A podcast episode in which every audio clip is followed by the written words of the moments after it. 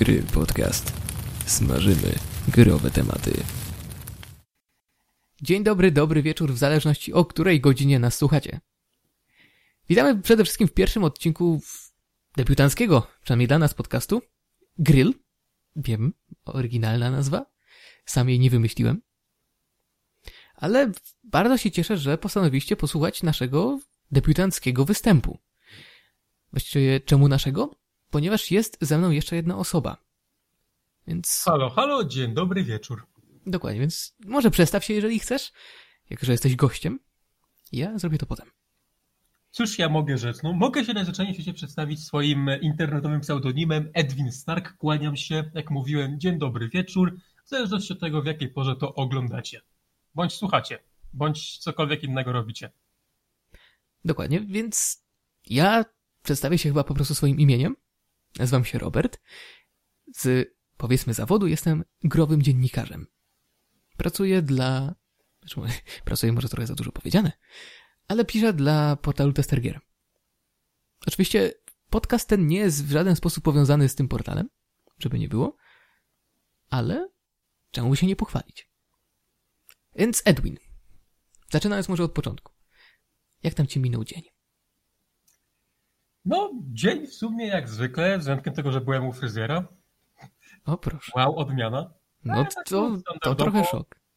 Cały dzień przed pecetem, hobby, życie, wszystko naraz. A kiedy jeszcze praca? W swoim czasie się znajdzie. No mam nadzieję. Dobra. Słuchaj, co tam ostatnio grałeś, mordeczko? Eee, liczyłem Minecrafty, czy nie liczyłem Minecraftów? No, zawsze liczymy. No to w Minecrafty. A właśnie, mówiłeś, że tego Obliviona jeszcze sobie pobierałeś, nie? E, tak, ale jeszcze nie miałem okazji go przetestować. Ej, no słuchaj, no dużo tracisz. Ja właśnie grałem sobie chwilkę. Chwilkę, 10 godzin. Chwilkę. Ale gra stara, nie? No trzeba przyznać, no stara. Ale nadal mi się podoba. Nadal się dobrze gra. Kombat może nie jest już najciekawszy, ale cholera jest fajnie. Jest naprawdę fajnie. Problem jest taki, że mówisz, że wiele tracę. Ja jestem tego świadomy, tylko problem polega na tym, że ja tracę także e, dużo z różnej maści innych gier, biorąc pod uwagę od tego, jak duża rośnie moja kubka wstydu. Ona zamiast maleć, ona stopniowo rośnie. Za każdym razem, z każdym dniem, w którym nie gram w nic konkretnego, albo po prostu odpalam jakieś e, inne pierdoły, którymi się zajmuję i koniec końców znowu czegoś nie ograłem, dochodzi do kolejnego kupna gry, znowu rośnie kubka wstydu, która dalej nie maleje, tak to rośnie w nieskończoność. Ale spoko, powiem że ja mam to samo. Zaczynam powoli sobie coś ogarniać, nie? Teraz patrzę, o, premiera fajnej gry. Ciekawe, że dostaniemy do niej kod. Tak, dostaliśmy do niej kod. Kto podejmie się recenzji? No oczywiście ja. No i ogrywasz taką grę. Ogrywasz. Potem patrzysz, o, przeceny na PlayStation. Hem, ta gra za 20 zł? No, w sumie? Czemu by nie? A potem hm, kolejna za 20 zł. A potem się okazuje, że wydać 400 zł, nie? Znam to. No, ja też. Niestety. Ostatnio, rośnie... były, ostatnio były te przeceny na Steamie z okazji Black, z okazji Black Friday. I też patrzę sobie, o, gra, na którą poluję tam od jakiegoś czasu, tam za jakieś e, dwie dyszki na przecenie. Spoko. A to tu się coś doda, a to może taka gierka, a ta też jest w miarę tania. Dzień dobry, 230? No niestety, ale to... Do widzenia 230? do widzenia? Dzień dobry chyba tylko dla twórców, jak zobaczą twoją kasę. No tak, teraz tak o tym myślę, to nie licząc takiego hobbystycznego grania, no to jeszcze ten, na swoje, na swój kanał nagrywałem, ogrywałem Amnezję Rebirth, DMC Devil May Cry dokończyłem oraz zająłem się Marvel Avengers. A właśnie jak to nowa Amnezja? Szczerze powiedziawszy, mam do tej amnezji trochę mieszane uczucia. Właśnie słyszałem, że nie jest tak straszna. Znaczy, powiem ci tak, ta amnezja jest naprawdę straszna na swój sposób, przynajmniej tak do, przez pierwszą połowę gry. To, było, to był pierwszy horror od dawna, którym autentycznie poczułem się tak przysłowiowo wcięty. Jak tylko zobaczyłem, że mam jakieś ciemne pomieszczenie, jeszcze tam wcześniej były, początkowe, początku, na początku gry było już w miarę ok, potem ma świadomość, że no dobra, to jest amnezja, w amnezji jest tak, że zanim cię cokolwiek zaatakuje, no to mija tak godzina, półtorej, może dwie, no tu masz taką swobodę, tak zwaną chillerę utopię. Tylko, że tak, grasz te dwie godziny i gdzieś tam w tle coś ci mignęło, coś wyskoczyło. I masz takie, aha, okej, okay, czyli coś tu jest.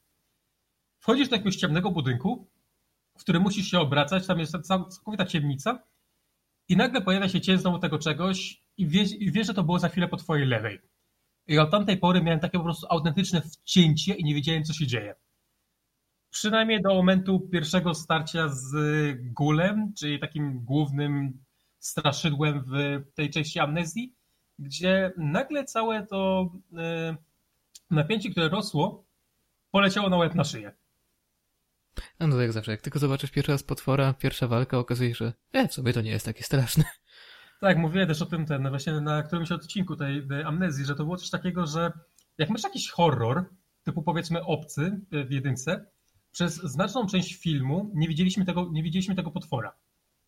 Było wiadome, że on tam jest, ciągle kogoś wciągał, ciągle gdzieś kogoś zabijał, ale my jako takiego potworka jeszcze nie widzieliśmy. I przez cały ten czas było taka, właśnie takie przeświadczenie, że tam coś jest, to nie wiadomo jak to wygląda, to coś zabija, to coś jest straszne. Kiedy już się pojawił na sam koniec filmu, to było takie okej, okay, już wiem co atakuje, koniec końców nie jest to takie złe. No w sumie, ale masz jeszcze z drugiej strony grę Aliena, nie? Tam od mhm. początku wiesz, co jest tym złym, a jednak, no... Tak. Ciężar w gaciach się pojawia. Tylko, że e, Alien, który moim zdaniem jest najlepszym horrorem wszechczasów, ponieważ to jest jedyny horror, którym po prostu miałem wcięcie od samego początku gry do samego końca, jest taka różnica, że ten Alien był nieprzewidywalny. Znaczy, no to prawda, ale znaczy, AI w tej grze było świetne, musisz przyznać. Znaczy, AI było naprawdę. Przeświadczenie, mieliśmy przeświadczenie, że możemy go namierzyć, ale tam gdzieś dopiero w, w, w jednej trzeciej gry dopiero dostawaliśmy to urządzenie namierzające. Mogliśmy go namierzyć, mogliśmy określić, gdzie on jest, ale on i tak cały, on i tak, było coś takiego, ok, on jest w tym pomieszczeniu, wchodzimy do tego pomieszczenia, go nie ma, on się okazuje, że jest gdzieś w szybach. I on z tych szybów sobie wychodzi gdzie, kiedy mu, jak mu się podoba. I to nie było w zależności od, e, nie było żadnego skryptu, znaczy, no dobra, skrypt był, bo to jest gra, więc skrypty są wszędzie. Tylko nie było takiego przeświadczonego skryptu, że ok, w tym miejscu, o tej porze, w tym, w tym save'ie on na ciebie wyjdzie. To była główna zaleta właśnie Aliena, że po prostu przez całą grę ten alien był zagadką. Nie wiedziałeś, kiedy on wyjdzie, jak go unikać i tym podobne. W Amnestii jest problem taki, że jak spotykasz tego gula, to po pierwszym starciu już znasz jego zachowania. Wiesz, że on będzie powoli człapał, wiesz, że on cię wywęszy, wiesz, że on będzie okrążał okolice, ale już wiesz, jak, na jakiej zasadzie on działa i w którym momencie on się pojawia. I to już wtedy autom, autom, automatycznie znowu to całe napięcie frut leci w dół. No to akurat prawda. Ale przy okazji, do, wracając jeszcze do tematu Aliena. Widziałem ostatnio naprawdę potężnego gifa, gdzie nie kojarzysz może taką niepisaną zasadę gier. Wenty zawsze są bezpieczne. Jak wejdziesz do wentów, Koniec. Nie ma zagrożenia. Nie, nie, nie. nie, jest, tak, nie jest, jest w prawie każdym horrorze, jaki grałem, jest prawie taka zasada, nie? Znaczy, no tak, no. Mhm. Dobra, dobra, poczekaj, poczekaj, poczekaj, poczekaj, poczekaj, ja ci to opowiem. No i sobie koleś wszedł do wenta, do wentylacji i nagle z boków słychać kroki, nie? Jeszcze po jakieś tam się ludzkie głosy zaczęły pojawiać. Krzyki potem się przerodziły oczywiście i cisza. Nadal cisza. Znowu się zaczynają pojawiać jakieś kroki. Koleś się obraca, patrzy, dobra, nic nie ma. I nagle jak, jakieś pierdzielnięcie, nie? Szybki obrót kamery i obok stoi już alien, nie? Który wszedł do tego pierdzielonego wenta. No, kloc w gaciach pojawia się od, od razu. No, od Ale najśmieszniejsze jest to, że opowiadasz mi tą historię, a ja ją przeżyłem praktycznie. Mhm. Bo była tam pewna sekwencja, gdzie gdzieś tam było zawalone pomieszczenie i tam był jakiś stół bilardowy, nieważne, może ktoś skojarzy. I tam było trzeba wejść do wenta, żeby tym wentem przedostać się do innej części lokacji. To był went obowiązkowy. Tylko, że jak, ten, jak to, że ten alien, tak jak mówiliśmy wcześniej, on nie ma takiego określonego zachowania, no to on tam może wejść, ale nie musi tam wejść. No i mój największy problem był taki, że kiedy ja wszedłem do tego wentyla, idę sobie przez niego, takie ok, nie było go w okolicy, wentyl się zamknął, spoko, jestem bezpieczny. Idę sobie na sam koniec, e, właśnie taki nawyk e, eksploracyjny, że trzeba sobie przejrzeć absolutnie każdą ścianę, przelizać i sobie wszystko zdobyć. Wchodzę do jakiegoś zaułka w, tym, w tej wentylacji, odwracam się, dobra, czysto, zbieram rzeczy, ledwo się odwróciłem i po prostu widziałem, jak ten alien do mnie po prostu pełznie na pełnej, na pełnej przyspieszeniu. No, to jest straszne. Jedna z tak naprawdę ich niewielu gier, gier, które według mnie mogą naprawdę przerazić, nie? Tak, i, i ja to potwierdzam jako osoba, która w horror, horrory po prostu uwielbia. Grałem w wiele horrorów, oglądałem wiele horrorów. To Alien był tym jednym horrorem, który naprawdę mnie trzymał w napięciu od samego początku do samego końca. No u mnie to samo. Alien to była jedyna gra, której naprawdę bałem się zrobić krok. Ale z drugiej strony słyszałem, że jeszcze Visage, nie wiem czy kojarzysz, wyszedł y, z niedawno, z dwa tygodnie temu, z tydzień może? A to nie Też miałem- podobno całkiem dobrze robi klimat i trzyma w napięciu. Wzorowany nieco na PT. A chyba wiesz co to PT, nie? E, tak, mógłbyś jeszcze raz powtórzyć e, tytuł? Visage. Visage. Możesz sobie szybko wpisać. Słyszałem naprawdę robię. pochlebne opinie o tym, nie? Nie miałem okazji jeszcze ograć. Mam nadzieję, że niedługo się uda. Ale A, słyszałem... Visage. No, Visage. Visage. Mów jak chcesz. Dobra, to znam, to kojarzę, no. No to właśnie słyszałem, że to jest naprawdę potężna gierka, nie? Potrafi trzymać dość no, mocno klimat i tym bardziej przestraszyć momentami. Ale z drugiej strony to samo słyszałem o Outlaście dwójce. A to nie była dobra gierka. To, to Znaczy- nie straszyło. Outlast 2 to była dobra gra, ale to nie był w żaden sposób dobry horror. To był, szczerze powiedziawszy, chyba najgorszy horror, w jaki grałem. Ta gra mnie ani razu nie przeraziła, nie zaskoczyła, nie spowodowała u mnie jakiegokolwiek e, objawu niepewności przez całą, przez całą fabułę. No u mnie było to samo. Pamiętam, było dostępne na PS Plusie w pewnym momencie, więc no... Jak za darmo, to wezmę. No co się będę. Je- Jedynkę ogrywałem, to żeby nie dać szansy też dwójce. No i wtedy pomyślałem, dobra, jak to się będzie pobierać, to na szybko ogram jeszcze tę dwójkę z dodatkiem. Tfu, dwójkę, jedynkę, przepraszam. Jedynkę z dodatkiem ogram. No i było super. Outlast 1 nadal według mnie jest bardzo fajną grą. Nie jest może bardzo straszny, ale ma bardzo fajny klimat. Nie, to ten, ten, szpital bodajże to był? Tak, szpital psychiatryczny. Tak. On był naprawdę fajny. Miał naprawdę fajnie zrobiony klimat i wtedy pamiętam ten, ta kamera, nie? To była całkiem duża innowacja jak dla mnie. Mhm. Nie miałem jakoś okazji wcześniej właśnie w grze sterować gościem, który trzyma kamerę. I strasznie mi się kojarzyło to z Rekiem. Kojarzysz pewnie horror. Tak, e, Rek swoją drogą, Rek i Panorama Activity to są właśnie ogólnie horrory, które są moimi po prostu top tierami. Tak. Nie są one może wybitnie straszne, ale mają w sobie to coś, mają ten taki przyjemny klimat do oglądania. W ogóle w temacie Reka, o, o kurde, uderzyłem w mikrofon, to się wytnie. Więc w temacie Reka widziałem ostatnio w hiszpańskiej telewizji reklamę. Czemu hiszpańską telewizję oglądałem? Nie pytaj. Ale była reklama, w której wykorzystali dosłownie ten sam e, apartamentowiec, nie? Który był w filmie. Więc widzisz, w- wchodzi jakaś babcia, nie? Patrzysz, ta klatka schodowa, o cholera, chyba wiem, gdzie to zmierza. Czy to rek? Otóż nie, to nie był nowy rek, to była reklama. Było mi trochę przykro, nie powiem. Rek, reklama, prawie to samo. No prawie to samo, no słuchaj, no, może po polsku, po hiszpańsku nie do końca, ale no trochę przykro mi się zrobiło, bo rek był naprawdę spoko. Ale, wracając do Outlasta, jedynka naprawdę, jak już mówiłem, była spoko, dodatek też był całkiem fajny. Znaczy, Potem wiesz, przyszła wydaje mi kolej- się, że- Wydaje mi się, że problem e, Outlasta dwójki jest taki, że to wszystko głównie się działo na otwartej przestrzeni. Tak, chciałem właśnie do tego zmierzać, ale... Ale właśnie problem jest tego, że jest za dużo przestrzeni. Jedynka miała te swoje zamknięte korytarze. Pamiętam nadal, jak trzeba było uciekać przed tym doktorkiem, co to nam palce ucinał. Mhm. Pamiętasz, no? To wszystko się działo w zamkniętym pomieszczeniu. Małe korytarze zastawione jeszcze łóżkami szpitalnymi, nie? Tak, i właśnie to właśnie działało na, na zalety. Niektórzy twierdzą, że Outlast 1 był właśnie beznadziejny z tego powodu, że tam wszystko było ograniczone. Właśnie moim zdaniem to, było, to właśnie działało na plus, ponieważ e, miałeś to przeświadczenie, że jesteś w klaustrofobicznym miejscu, z którego za Chiny ludowe nie masz możliwości ucieczki. Dokładnie, i to samo było w Amnezji przecież. A Tak, Amnezja to- też naprawdę była świetna. Tak, i właśnie problem Outlasta 2 jest taki, że tam była otwarta przestrzeń. Mogłeś tam po prostu biegać jak leci, miałeś te wszędzie jakieś, e, nie stogi siana, tylko jak to się nazywa, te pędy kukurydzy i tym podobne. Mogłeś się w jakichś krzakach ukryć, mogłeś zanurkować. No to, no to kompletnie, kompletnie klimat psuło. miejsc, w których mogłeś się skitrać, zostać, przeczekać, opracować sobie, opracować sobie jak kto się porusza i tym podobne. I to moim zdaniem całkowicie zabiło cały klimat. Pewnie były tam miejsca, gdzie po prostu były takie korytarze, nazwijmy to, ale to już nie Tak. było to samo. Nie robiło tego klimatu też przede wszystkim. Ale też w temacie takiego horroru otwartego, powiedzmy, nie? Bo grasz dużo w Minecrafta. Mhm. Kojarzysz tę mechanikę, że możesz się przed potworami ukrywać w trzcinie? No. No. No i mimo tego, że to wszystko jest otwarte, tak? Potwory mogą cię z każdej strony zaatakować. I nawet mimo tego, że no, w każdym momencie możesz się ukryć, to i tak jest stres. To i tak potrafi być straszne momentami. Zwłaszcza jeżeli grasz na ten najciemniejszym trybie. To wtedy Minecraft naprawdę potrafi przestraszyć. Przynajmniej, przynajmniej mnie.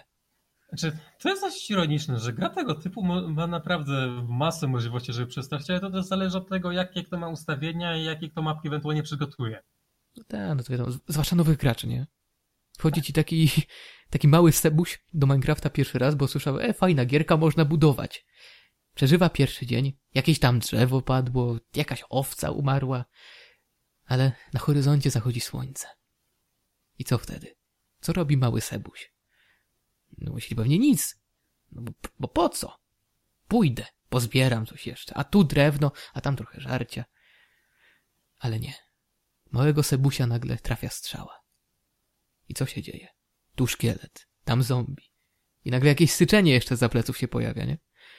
To, to, to jest straszne. Pamiętam, że sam tak to przeżywałem pierwszy raz, nie?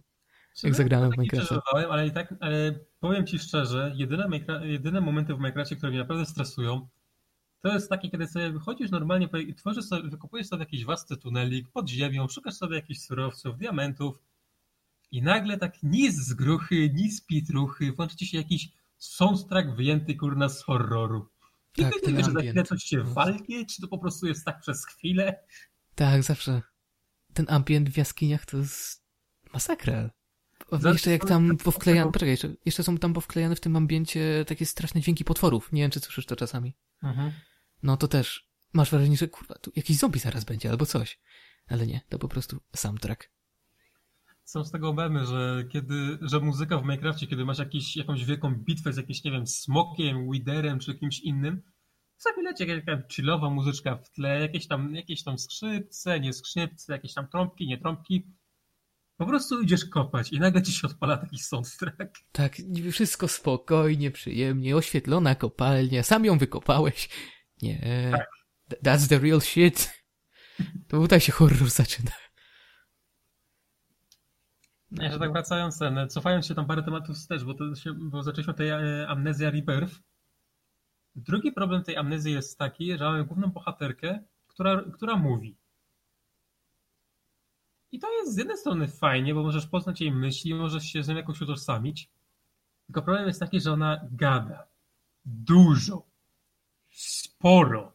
I to tak wybija z rytmu, dlatego Amnezja Mroczny Obłęd to był po prostu hit hitów, ponieważ tam miał być bohatera, który nie mówił. I on przez to, że nie mówił, nie psuł tego klimatu niepewności wszystkiego. Kiedy masz postać, która ci cały czas nawija, no to ona cię mimowolnie wybija cię z tego tymczasowego rytmu takiego coś tu jest nie tak. No to prawda, ale w sumie słyszałem też bardzo dużo negatywnych mm, właśnie słów o tym niemym protagoniście, nie? Ogółem nie mówię tutaj o amnezji. Ale ogółem słyszałem, że niemy protagonista to w sumie raczej taki bardziej artefakt przeszłości. Było kiedyś spoko, bo nie, nie dało się nagrywać aż tyle linii dialogowych. I do RPG-ów to było bardzo spoko, nie? Kojarzysz na pewno starsze tak, RPG. To wszystko zależy od tego, o co chodzi w danej grze, do czego, w jaki sposób ona jest skierowana i czego wymaga. W takim RPG-u, szczerze powiedziawszy, w obecnych czasach nie wyobrażam sobie, żeby postacie nie mówiły.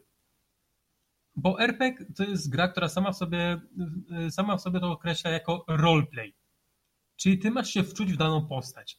Ale trudno jest się wczuć w daną postać, z którą nie masz faktycznie żadnego kontaktu, na przykład w jakimś Skyrimie. Nie widzisz swojej postaci, nie Jak wiesz, nie? co, Naciśnij, naciśnij R. Robi ci się trzecia osoba. wiesz o co mi chodzi. Wiem, wiem. Nie widzisz swojej postaci, nie wiesz co ona robi, nie rozmawia. I to masz takie, coś tu jest nie tak.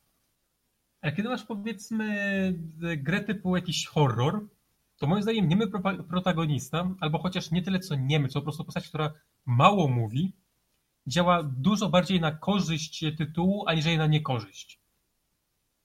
A wiesz co, w tym momencie się z tobą nie zgodzę. Ja w RPGach osobiście preferuję niemego protagonistę. Za, sam zawsze czytam te wszystkie linijki dialogowe i przez to, że przez chwilę się robiło w tym aktorstwie, tak? Dubbing tego typu rzeczy, to sam nadaję głos swojej postaci. I zawsze mi się to cholernie podobało. Zawsze czytałem innym głosem linijkę każdej postaci, która nie miała głosu, nie? Bo zdarzyły się jakieś gry, gdzie całe twoje partie nie miało głosu po prostu. I mi się to naprawdę podobało. Zawsze każdemu nadawałem swój własny charakter. Ton głosu do każdej wypowiedzi i tak dalej, nie? I właśnie dlatego uważam, że w RPGach lepiej sprawdza się niemy protagonista. Nie zawsze, przyznaję, nie zawsze. Fallout 4 bodajże chyba miał niemego protagonistę i on w sumie kiepsko wyszedł. Bo straszny taki... No taki... No kiepski był po prostu. No. Coś, nie da się nic więcej powiedzieć. Po prostu był kiepski. No ale to w sumie Fallout. To zależy tutaj od e, tego, jak dana postać zostanie napisana. No to jest tak samo w filmach, co nie, że możesz mieć e, w filmie jakiegoś bohatera, który w ogóle jest niemową przez cały film, ale jest dobrze napisaną postacią, dobrze działa w, w, w kreowanym świecie, ale równie dobrze może być postać, która jest e, cholernie charyzmatyczna, jakiś aktor, który jest potwornie charyzmatyczny. Jak się dostanie denny skrypt, no to nawet on tego nie uratuje. Choćby się dwoił i troił, to mu nie wyjdzie. Nagle mi się taki The Room przypomina. Kojarzysz, nie? Oglądałeś chyba? A przynajmniej słyszałeś może coś o The Room. Coś, coś, coś dzwoni, ale nie pamiętam, No, nie wiem w którą najlepszy z najgorszych filmów, że tak powiem. Najbardziej memiczny. Na pewno kojarzysz tę znaną scenę, gdzie koleś wchodzi na dach i krzyczy, że I, I did not hit her, I, I did not. Nie? It's bullshit, it's not true. I did not. Kojarzysz? Coś, coś, coś tak. No, to właśnie jest The Room. Film tragedia, ale taka tragedia, że jest śmieszna. Więc no tutaj też skrypt nie, nie mógł pomóc aktorom na pewno. Zresztą powstał tym dokument chyba nawet. Znaczy może nie dokument, co film opisujący powstanie tego filmu w sposób taki no fabularny. I bodajże zagrał tam chyba jeden aktor ze Spidermana oryginalnego. Bodajże? Nie pamiętam, który. Możliwe, że ten. Ten drugi. Boże. Green Goblin. Ten drugi. Jak on się nazywał? E, w sensie ten, co grał Harry'ego Osborna? Harry'ego właśnie. Harry Osborn. Chyba on tam zagrał. Zapomniałem, jak się ten aktor teraz nazywał. Czy w ogóle mógł ktoś inny zagrać? Nie pamiętam. Aktor się nazywał e, James Franco. Tak, to on tam zagrał. Na pewno. Kojarzy Franco. Ale dobra, bo schodzimy trochę chyba nie na, nie na tematy growe, nie? Trochę nie ten A kierunek. więc, a więc, żeby nadal utrzymać temat The Room, powstała o tym kiedyś gra. Fanowska oczywiście. Ale do czego zmierzam? Miała klimat bardzo taki RPG Makera. A wiem, że jesteś naprawdę fanem tych gier, nie? O, kocham całym sercem. To są kurna gry. Byczku, byczku powiedz, co, co ty w tym widzisz, jak to wszystko wygląda tak samo jak dla mnie. Każda gra jest o tym samym, no. To jest bardzo dobre pytanie, powiem ci szczerze, ale naprawdę nie wiem na to odpowiedzieć. Ja zdaję sobie sprawę, że tutaj to są wszy- wszystko te same asety, to są wszystko te same modele. No, kurna, trudno nawet powiedzieć modele, to są te same zlepki pikseli. To są praktycznie te same lokacje, ale coś jest w tych grach, że cię kurna to przyciąga. Ja to, ja to osobiście nazywam takim syndromem dupogierki. Czy po prostu jest taka gra, która nie wymaga od ciebie niczego, nie obiecuje ci niczego, ale w zamian ci daje tyle, że jesteś usatysfa- usatysfakcjonowany. Poczekaj chwilę. Czyli mówisz, że preferujesz dupogierkę niż coś ze swojej kubki wstydu? Biorąc pod uwagę, że mam kubkę wstydu i zamiast ją robić, to gram w Minecrafta? Tak. Szanuję. Nie wiem, bo szczerze powiedziawszy, bo ja mam coś takiego, że wyobraźmy sobie takiego, mamy takiego Minecrafta, już skrótny moment, mamy takiego Minecrafta, mamy takiego, nie wiem, Stardew Valley, mamy symulatory wszelkiej maści, czyli masz grę, która ci praktycznie wprost mówi, byczku, w tej grze nie masz fabuły. Nie masz jakiegoś takiego super wykreowanego protagonisty, z którym się będziesz utożsamiał przez tygodnie. Nie masz jakichś zaawansowanych systemów, nie masz żadnego systemu walki zaawansowanego. Nie masz jakichś kurna zwrotów fabularnych. Tu masz, nie wiem, tu masz grę, w której po prostu zbierasz sobie klocki i je stawiasz. Tu masz grę, w której prowadzisz ciężarówkę. Tu masz grę, w której prowadzisz sobie farmę. Tylko urokiem właśnie tych takich dupogierek jest to, że one ci nic nie obiecują, dlatego nie masz wygórowanych wymagań wobec tej gry. Wiesz, na co się piszesz, wiesz, co dostaniesz. Gdy dostaniesz to, co właściwie się spodziewałeś, że dostaniesz, to czujesz taką wewnętrzną satysfakcję, satysfakcję takie, masz takie ok, ta gra, e, spędziłem przy tej grze paręnaście, paręset godzin i nie czuję, że w jakiś sposób straciłem ten czas. Gorzej jest, kiedy masz odwrotną sytuację, kiedy masz na przykład jakiś tytuł AAA, który ci e, obiecuje jakąś super zaawansowaną fabułę, jakiś super zaawansowany system walki, masz kurna możliwość upgrade'owania swojej postaci, masz kurna do wyboru pięć postaci naraz do jednej, do jednej e, misji. Ale gra okazuje się totalną klapą. Avengers? Tak bardzo? Trudno mi to na tę chwilę powiedzieć, na razie jestem po godzinie gry i na razie ta gra mi się podoba. No ja to skończyłem, muszę przyznać, no udało mi się, mimo problemów, nie tylko natury technicznej, także takiej, że po prostu mi się nie chciało już grać, ale skończyłem. No i mi się nie podobało. No muszę to po prostu powiedzieć, mi się Avengers nie podobało. Jestem fanem ogółem komiksów Marvela, tak? Chociaż wolę DC, no sorry. Nie filmy, tak, ale nie poruszamy tematu filmów. O tym może zrobimy kiedyś inny podcast. Ale nie no, Avengers według mnie było naprawdę kiepską grą. Jedyne, co mi się podobało w Avengers, to model walki. Naprawdę, model walki był według mnie naprawdę spoko. Nie podobał... Poczekaj, poczekaj. Nie podobało mi się natomiast rozwój postaci też związany z tą walką. Kojarzysz, jak on tam wygląda, nie? Czyli jeszcze do rozwoju postaci nie doszedłem. A, no dobra. No Ale wie, wiem, do czego zmierzasz, bo widziałem recenzję. No dobra, no to wygląda tak, że odblokowujesz sobie coś, kończysz grę, patrzysz, o cholera, tu jeszcze jest drugie tyle do odblokowania, nie? Więc no do końca gry możesz tak naprawdę w pewnym sensie wymaksować jedno drzewko, może dwa, jednej postaci. A tej postaci jest od cholery. Ile tam teraz jest? Chyba doszła jedna nowa postać, nie? Kojarzysz? Czy jest, mamy ten typowy skład Avengersów filmowych z tak, wyjątkiem tak, Hawkeye'a i no jest dochodzi, Kamala Khan. I dochodzi Miss Marvel. No, Kamala Khan i teraz doszła żeńska wersja yy, Hawkeye'a. Czyli Katie Bishop, ale ona chyba w jakimś tak. dodatku teraz wyszła, tak? Tak, tak, tak. Nie, nie ogrywałem jej, przyznam, nie ogrywałem. Więc nie jestem w stanie się wypowiedzieć, jak tam wygląda po jej stronie gameplay, ale jestem w stanie powiedzieć o innych. Jak według mnie Iron Man, latanie jest mega fajnie zrobione. Miałeś okazję? Tak, na, na Golden, na Golden A no tak, tak, pamiętam. Wszystkim wszystkim się grało. To nie, to jak potem jeszcze sobie trochę więcej polatasz. To według mnie to latanie jest naprawdę spoko, nie? Tor podobnie fajnie lata. No ale lepszy jest w tym wypadku Iron Man. Natomiast bardzo mi się podobał kombat Kapitana Ameryki. Nie wiem dlaczego. Wszystkie te rzuty tarczą... Naprawdę płynne to było. Przynajmniej kiedy ja grałem, to wyglądało naprawdę płynnie, było przyjemnie. Nawet mimo tego, że nie do końca było czuć te uderzenia. Czyli nie, mój kojarzy, wobec nie. kombatu kapitana jest taki, że jakby nie czuję tego feelingu tarczy.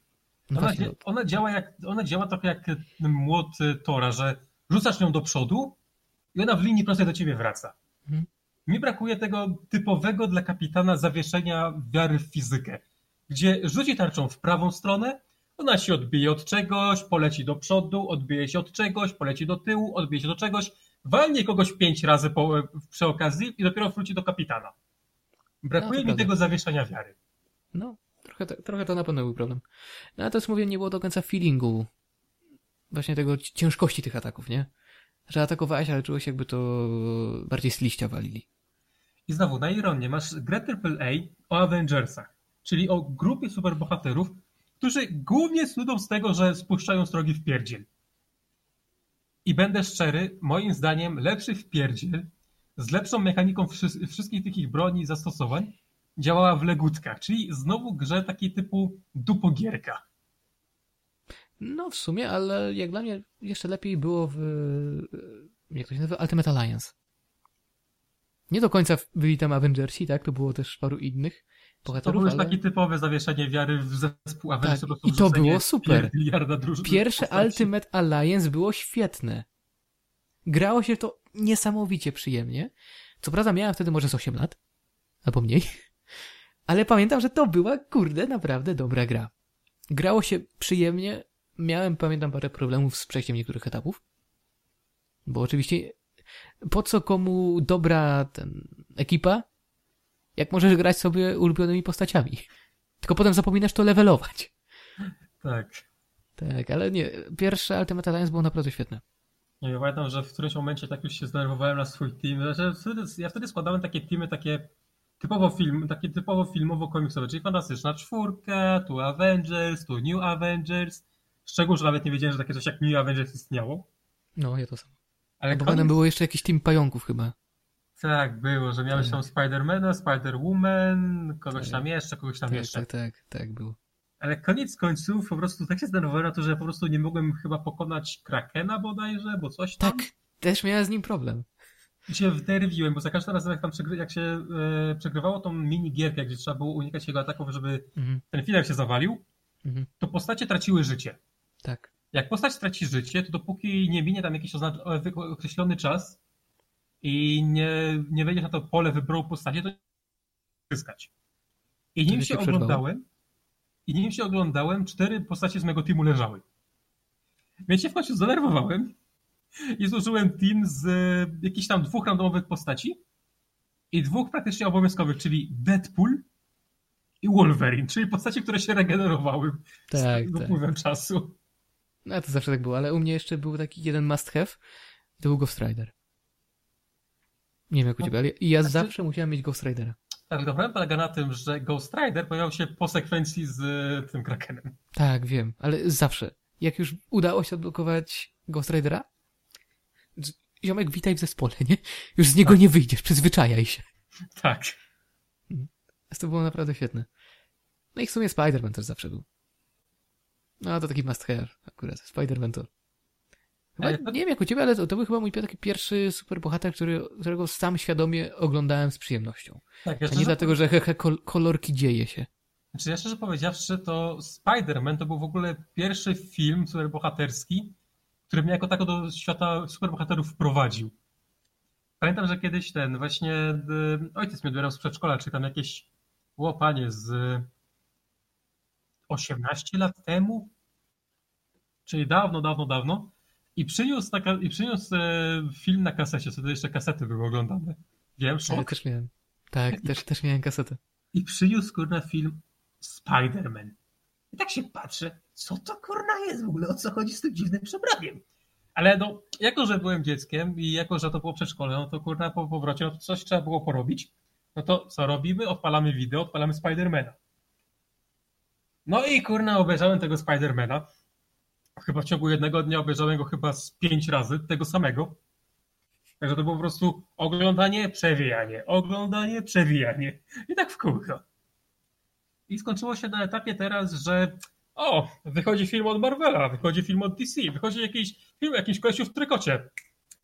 Biorę portfel i idę do kina. I jeszcze przy okazji mnie ciągniesz?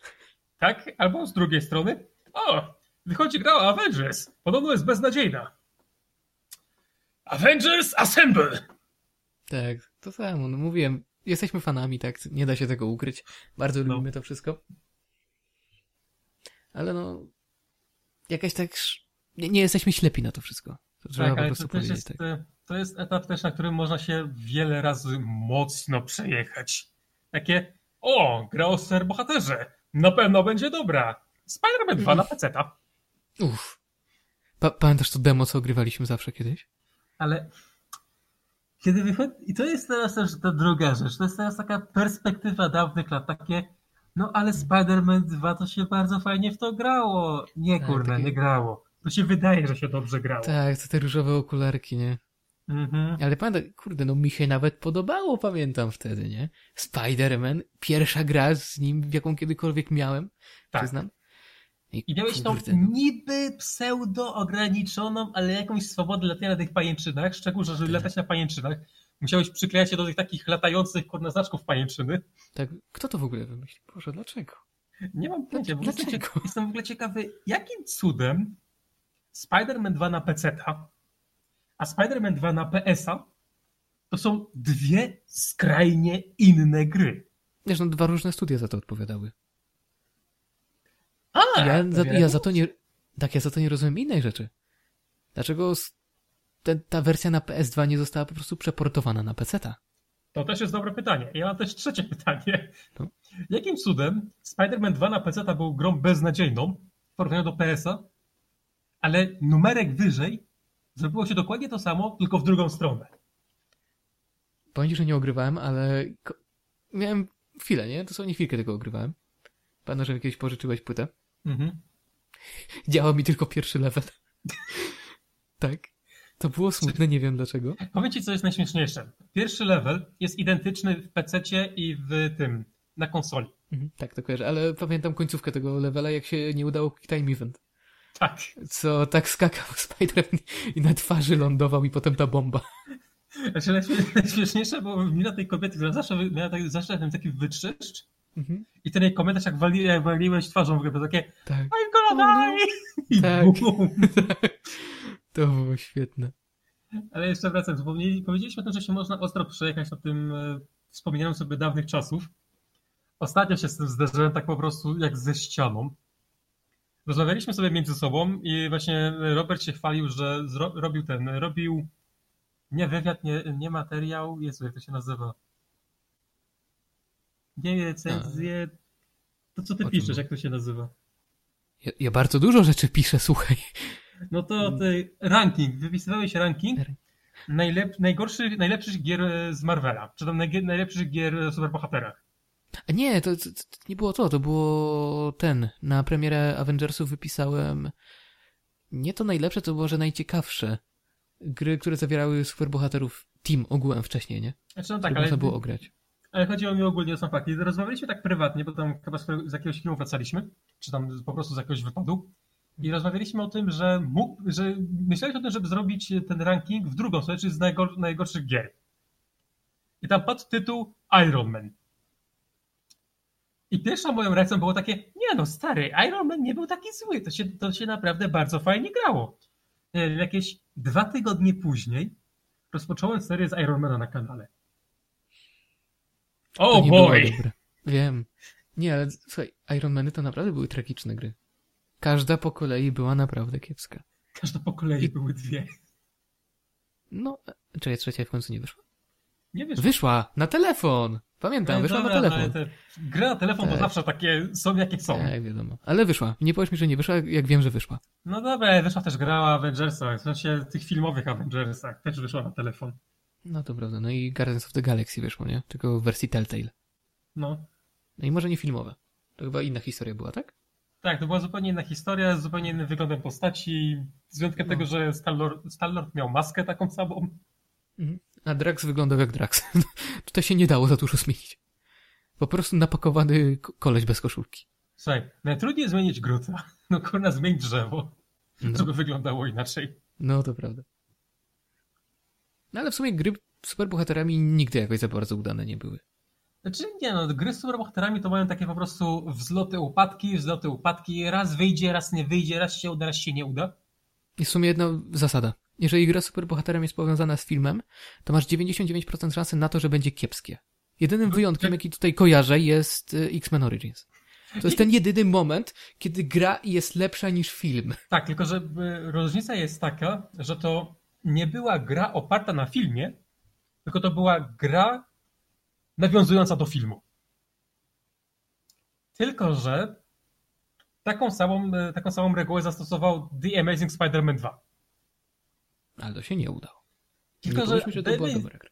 The Amazing Spider-Man 2 miał taki problem, że w połowie gry chyba doszło do wniosku takie okej, oryginalna, oryginalna historia się nie uda, wchodzimy w etapy filmowe.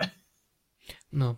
No, słuchaj, może pomyśleli, że ej, to taki trochę prequel, zobacz co się dzieje między pierwszą częścią filmu a drugą, a potem w ogóle zobaczysz co będzie w trzeciej, a trzecia nigdy nie wyszła, do widzenia.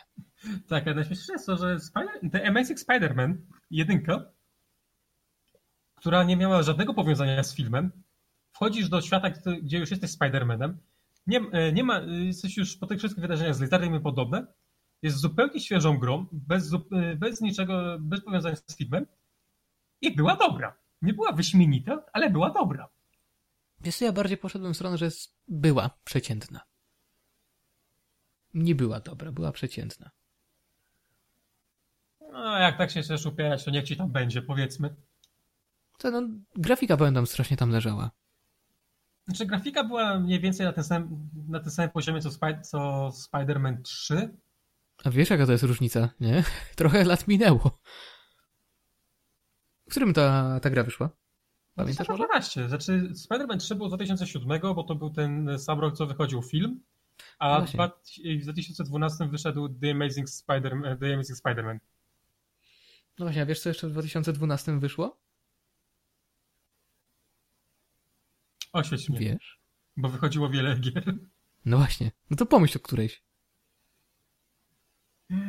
Co mogło wtedy wyjść? Wiedźmin to nie był, bo Wiedźmin to był chyba 2015. No. A Nie taka wiem, ładna gra, która wiem. mogła wtedy... Grałeś w nią. Na przykład Dishonored. A, No, a to z 2012 jest? tak, Dishonored jest z 2012. I właśnie chcę nawiązać do grafiki z Dishonored. Wow. Mocno sty- stylizowana, nie? Ale to było śliczne. Grafika w Dishonored była śliczna. Jeżeli mówisz, że ten Spider-Man też jest z 2012, to sobie porównaj tę grafikę. No so, sorry, byczku, ale to, to nie ta liga. Znaczy, Dishonored miał taki problem, że nie silił się na powiedzmy realistyczną grafikę. Znaczy, to nie był problem Dishonored, to był problem Spidermana, że Dishonored się nie silił na realistyczną grafikę. Po prostu pojechali po takiej grafice, jaka pasowała do narracji do danej gry. Spider-Many słyną z tego, że one starają się jakoś tak, powiedzmy, robić grafikę taką mocno realistyczną, co często nie wychodzi. Ale w ostatniej grze na szczęście wyszło. W ostatnim wyszło. Ale tak No, jak to mówię, to jest, e, to jest właśnie reguła gier superbohaterów. Wychodzi, nie wychodzi, wychodzi, nie wychodzi. Dostaliśmy, e, był Spider-Man i po nim było Avengers. Ale potem na szczęście po Avengers wyszedł Miles Morale- Morales. Czyli znowu Spider-Man. Tak. Czyli teraz czekamy na, nie wiem, Ligę Sprawiedliwości, która będzie klapą jak film. To w końcu wychodzi? Kiedy to ma wyjść? Nie wiem, ja rzuciłem tą Ligą teraz.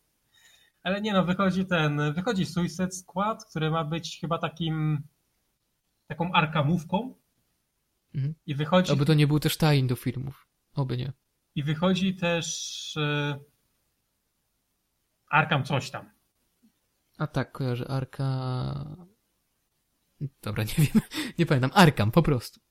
Ale w sumie chyba dwa tytuły z tego Batmana wychodzą, nie? Jest jeden, który w ogóle nie nawiązuje do serii i jest jeden, który chyba kontynuuje. Znaczy, jakimś- to, właśnie to o to chodzi, że chyba Suicide Squad to jest kontynuacja Arkamów, a Może. t, Arkam coś tam, czyli właśnie gra o rodzinie, nazwijmy to Bat Family, nie jest powiązana z Arkamami. Tak. To w ogóle według mnie jest dziwne, powinno być chyba to na odwrót, nie? No i to dużo bardziej na odwrót. No. Biorąc pod uwagę, że w serii Arkham całej spotykaliśmy i Batgirl, i Nightwinga, i Robina, i Red Hooda mieliśmy, Tak, czyli martwego Robina.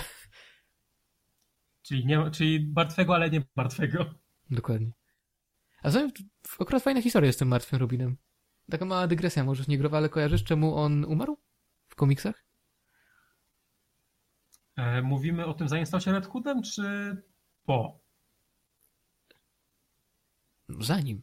No to, W ogóle mówię, mówimy o Robinie, nie? to są złomotany łomem. Ale nie, nie, nie. Nie chodzi mi o to, jak umarł, ale dlaczego umarł. A to nie. To słuchaj, to kiedyś ludzie bardzo źle traktowali tego, no w ogóle źle odebrali tego nowego Robina. Nie spodobało się to nikomu i DC postanowiło, że odbędzie się głosowanie. I w następnej edycji komiksu pojawił się taki mały dopisik. Zdecyduj, co stanie się z Robinem, nie? Przeżyje, czy umrze? I mogłeś zadzwonić na jeden z dostępnych numerów i wtedy zaliczał się twój głos na to, czy Robin przeżyje, czy umrze. Wiesz, jaka opcja wygrała. Meanwhile Robin, guess I'll die. No ale nie, to też śmieszne, bo potem, 20 lat, nie no może nie 20, ale jakiś czas potem okazało się, że najprawdopodobniej ludzie oszukiwali. I ktoś wykupił, czy nawet parę osób wykupiło automat dzwoniący na numer, który właśnie wskaże, że Robin umrze.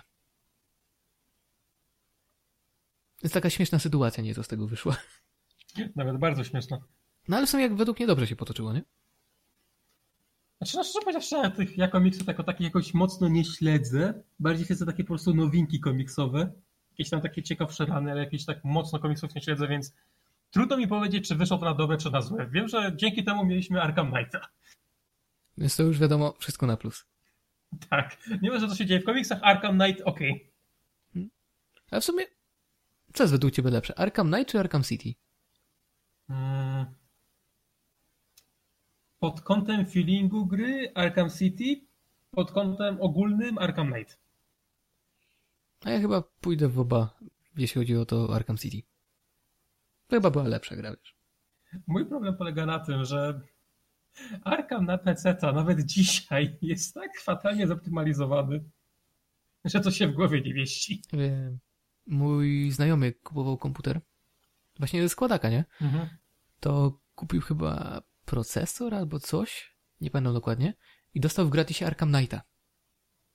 Nie działał. To Wiesz, no, to jest, Arkham Knight to jest gra z e, którego roku? 16? Nie, nie 16. Mm, 15 może? Weź na sprawdź. e, Arkham Knight jest z czerwca 2015 roku. No to dobrze mówię, 15. A uwaga, gra, która również wyszła w tym roku, czyli Wiedźmin, Mhm. jest z 18 maja. No i mamy coś no, takiego, różnicy. że ja mam peceta, który Wiedźmina 3 na ultra jest w stanie w takich le- zalesionych, deszczowych miejscach utrzymać w 50-60 FPS-ów. Nie jest to jakaś turbo maszyna zagłady, ale jest taką maszyną, która utrzymuje Wiedźmina w tych najwyższych możliwych ustawieniach z tym Hayworksem, z deszczem, ze wszystkim w, w ilościach FPS-ów grywalnych. Podczas gdy Arkham Knight chrupie do 15. Uj. A ja ogrywałem Arkham Knighta na PS4, powiem ci, ani razu nie miałem spadku. FPS-ów, nie? Gra Ani z razu. tego samego roku, z miesiącem różnicy, Tak. chrupa do 15. No to No, coś tu jest no, nie tak. Kwestia optymalizacji. Co oni tam w ogóle zepsuli? Pamiętam, że to było w pewnym momencie po prostu niegrywalne, nie? Musieli grę ze sklepów usuwać. Zepsuli to w ten sposób, że z tego co pamiętam, to było tak, że oni głównie Arkham Knighta chcieli sprzedać jako grę PC-tową, znaczy fu, grę PC-tową, grę konsolową Konsolową. i po prostu na kolanie zrobili port na PC-ta, No dobra, zaufam ci. czego do dzisiaj nie naprawili. No, ale z drugiej strony Wiesiek 3 chrupał na konsolach. I to dość porządnie. Znaczy, no tak, ale nie w no, Nowigradzie 30 FPS-ów na podstawowym PS4, no to mordo możesz o tym zapomnieć. No dobra, ale Jak wiesz, dociągniesz, jak dociągniesz te magiczne 24 filmowe, no to mordo ciesz się. A Uwaga. potrafiło spaść. szykuję bombę, szykować klawiatury, szykować komentarze. PC Master Race! No to, byczku. Czas się pokłócić. No to zaczynamy. No pewnie. Nie, mówię ci, mówiłem ci kiedyś prywatnie, nie? Ja chyba preferuję do grania konsole jednak. Znaczy, no, Nie, obcho- nie obchodzą mnie te FPS-y aż tak. Bardziej chodzi mi o wygodę grania. znaczy wiesz, ja, ja tak naprawdę w, w, w chwili obecnej żartuję z tym PC Master Race, bo to, to wszystko zależy, biorąc pod uwagę, że teraz e, PlayStation 5 ma tego SSD-ka i wszystko. Właśnie przerwę ci na chwilę, ale ten SSD w PS5 to trochę taka średnia sprawa. Ładuje się super szybko, tak? Z, super, ale ten z Xboxa działa szybciej podobno. A Naprawdę? to ten z PS5 był reklamowany jako ten, który ma działać lepiej. Tak, widziałem porównania na Valhalla.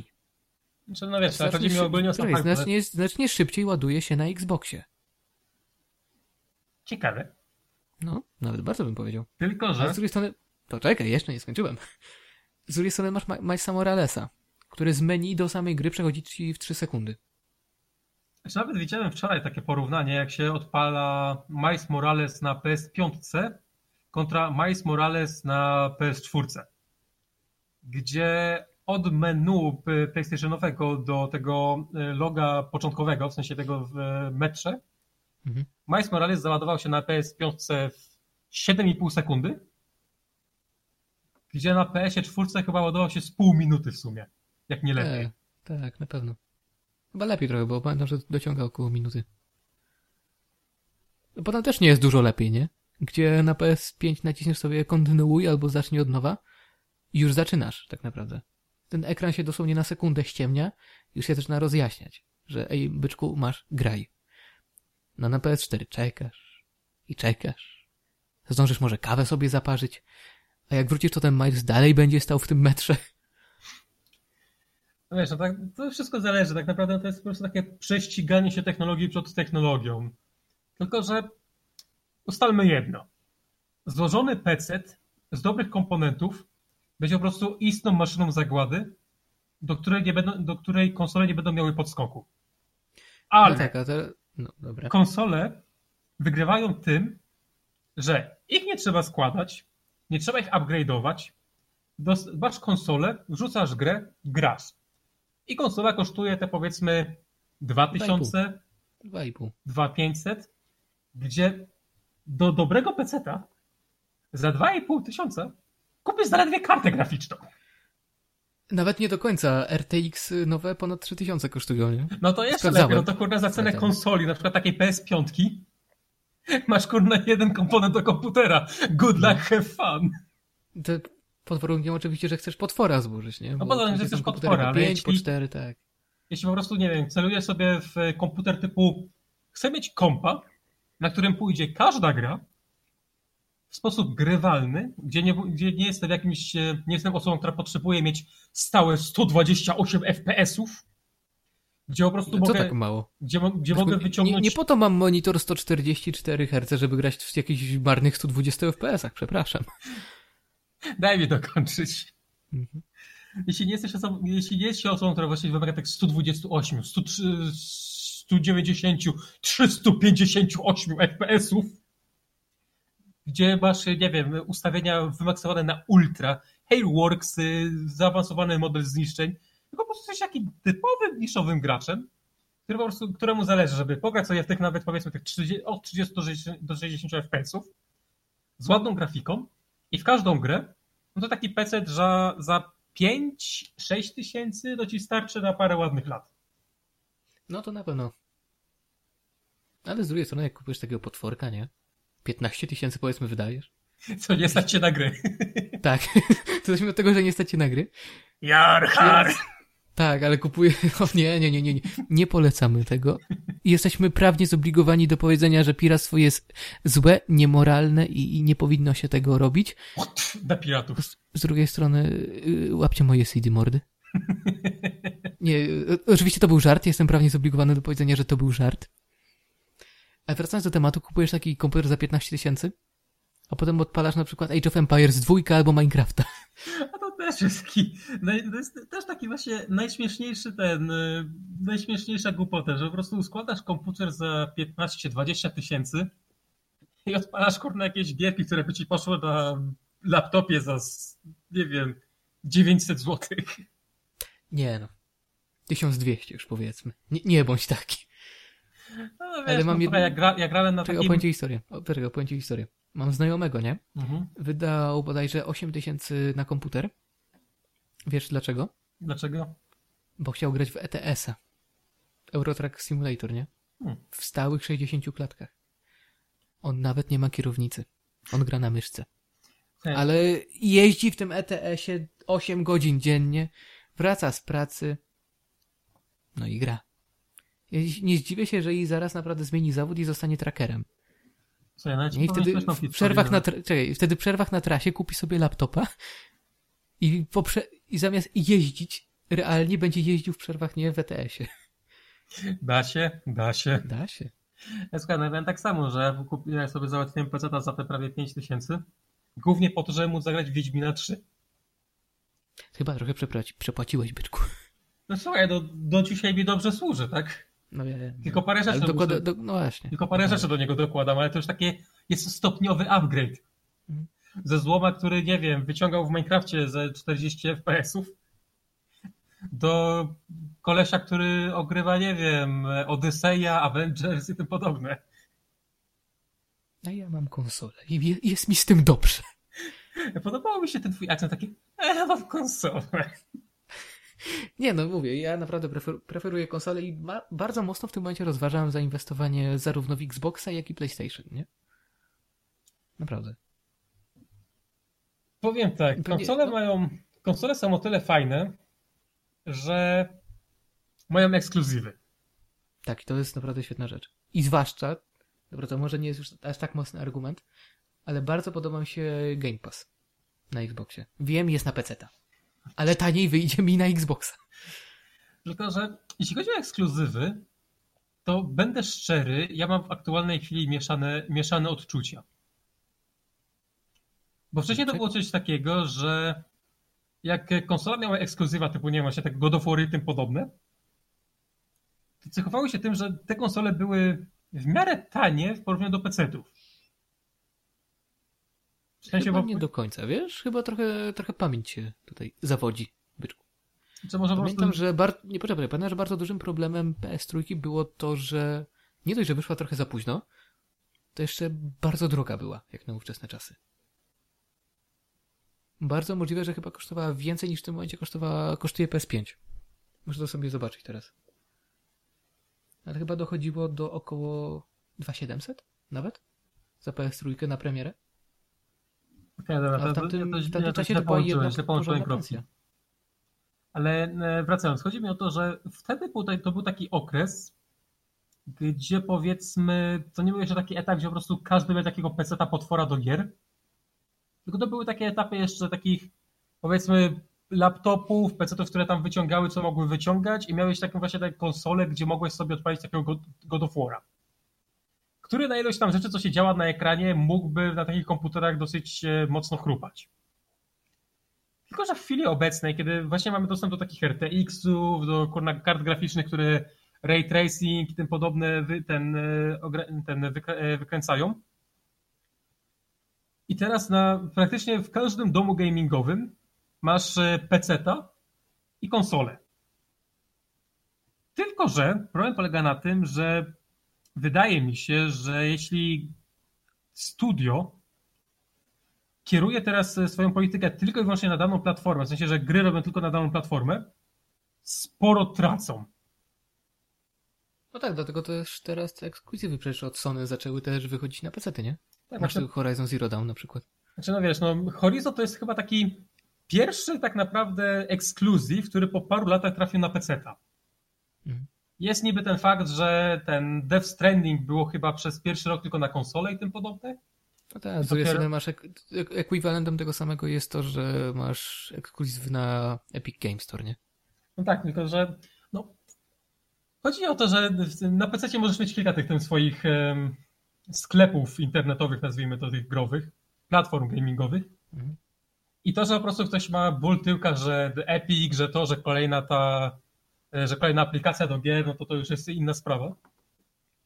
Chodzi o fakt, że wtedy nie każdy, nie każdy mógł sobie pozwolić na ten na PC i tym podobne.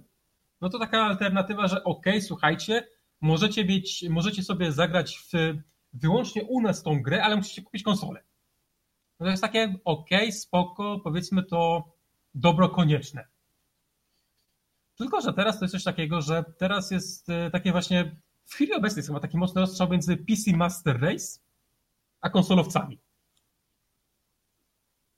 I, teraz to się pojawia, teraz moim zdaniem to działa na takiej zasadzie, moim zdaniem podkreślę, że to nie musi tak być, to nie, nie każdy musi podzielać się opinię, że twórcy sporo tracą właśnie na ekskluzywach, ponieważ e, mogą, e, ty, ci gracze, którzy są, kupią konsolę, no to spoko, konsolę, kupią sobie grę, ale jest też druga, jest drugie tyle graczy, którzy po prostu zostają przy PC-tach, ponieważ jest dla nich wygodniej, jest to sprzęt, który jest wielofunkcyjny, możesz z tego korzystać na kilka różnych sposobów. Jest to sprzęt, który możesz sobie powiedzmy uleczać non-stop i nie musisz czekać na wyjście kolejnej generacji i tym podobne. I przez to, że właśnie się są takie dwa obozy, no to twórca traci dużo, dużo pieniędzy, biorąc pod uwagę, że PC-towcy nie kupią danego tytułu. I właśnie... to akurat... Nie, nie, nie, poczekaj, poczekaj, bo jeżeli twórca wydaje grę, nie? Ekskluzywnie, to kojarzysz, kojarzysz co robi Epic. Płaci więcej. No, no tak, ale właśnie... I to samo, nie, to to samo robią konsole, Sony na przykład, czy coś. Masz bonus, czy powiedzmy taką dopłatę, za to, że gra pojawi się tylko na tą konsolę. Na przykład to Naughty Dog. Na pewno kojarzysz, nie? Mhm. Uncharted i The Last of Us. Oni dostają bonusy za to, że ich gra wychodzi tylko na konsolę Sony. Hmm. Dlatego znacznie łatwiej jest im produkować no, high budget games, nie? Gry z naprawdę dowalonym budżetem, bo mają wsparcie od Sony. Bo po prostu jest ta dopłata za to, że tytuł nie pojawi się na inne konsole. Ale nie No plus właśnie- jest, poczekaj, poczekaj, plus jest też taki, że nie muszą przekierowywać pracy na optymalizację pod względem innych platform. Wszyscy skupiają się tylko na jednej, przez co praca jest no bardziej skonsolidowana, idzie szybciej i wychodzi też nieco taniej. Mhm. No to właśnie jest też taka bardzo duża zaleta tworzenia na tylko jedną platformę. Ale z drugiej strony prowadziłem jakiś czas temu wywiad z jednym twórcą gier. On odpowiadał za dość małe studio, mieszczące się przynajmniej na terenach naszej miejscowości. I tam portowanie zajęło no około jednej czwartej czasu pracy nad grą. I mowa tutaj... Słuchaj, nie, nie będę wymieniał co to za gra, bo nie byłem zobligowany do użycia tego wywiadu, także u siebie prywatnie, ale, ale jest to gra, która wyszła też na komórki i na Nintendo Switch. I chyba jakiś czas temu pojawiła się też na PS4. I właśnie, w, jeżeli porównać portowanie tego wszystkiego, to lwia część czasu, no i może nie tak do końca pieniędzy, ale trochę też na pewno poszło, zostało też no, przeznaczone właśnie głównie na przepisanie kodu. Za, zaimplementowanie go do działania na innej konsoli. Więc jeżeli no, zastosowaliby tylko do, się do tego, że wydano jedną konsolę, no to wtedy powiedzmy pojawiłby się ten bonus, jeżeli rzeczywiście dostaliby taki kontrakt.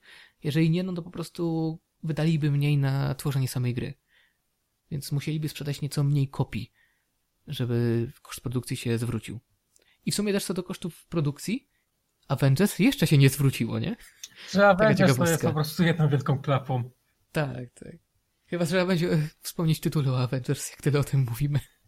Znaczy wiesz, mi po prostu chodzi o to z tymi ekskluzywami, że e, sporo, że sporo mogę na tym tracić, ponieważ gdyby, nie mówię, że, tak, że to było na zasadzie takiej, że ok, robimy grę od razu na wszystkie platformy, tylko gdyby to robili na zasadzie właśnie podobnej jak teraz jest z tym Horizonem, że wychodzi gra, powiedzmy od studia Naughty Dog, czy jakiś The Last of Us powiedzmy 3, wychodzi na, na PS-a i jest on ekskluzywem, ale przez jakiś czas.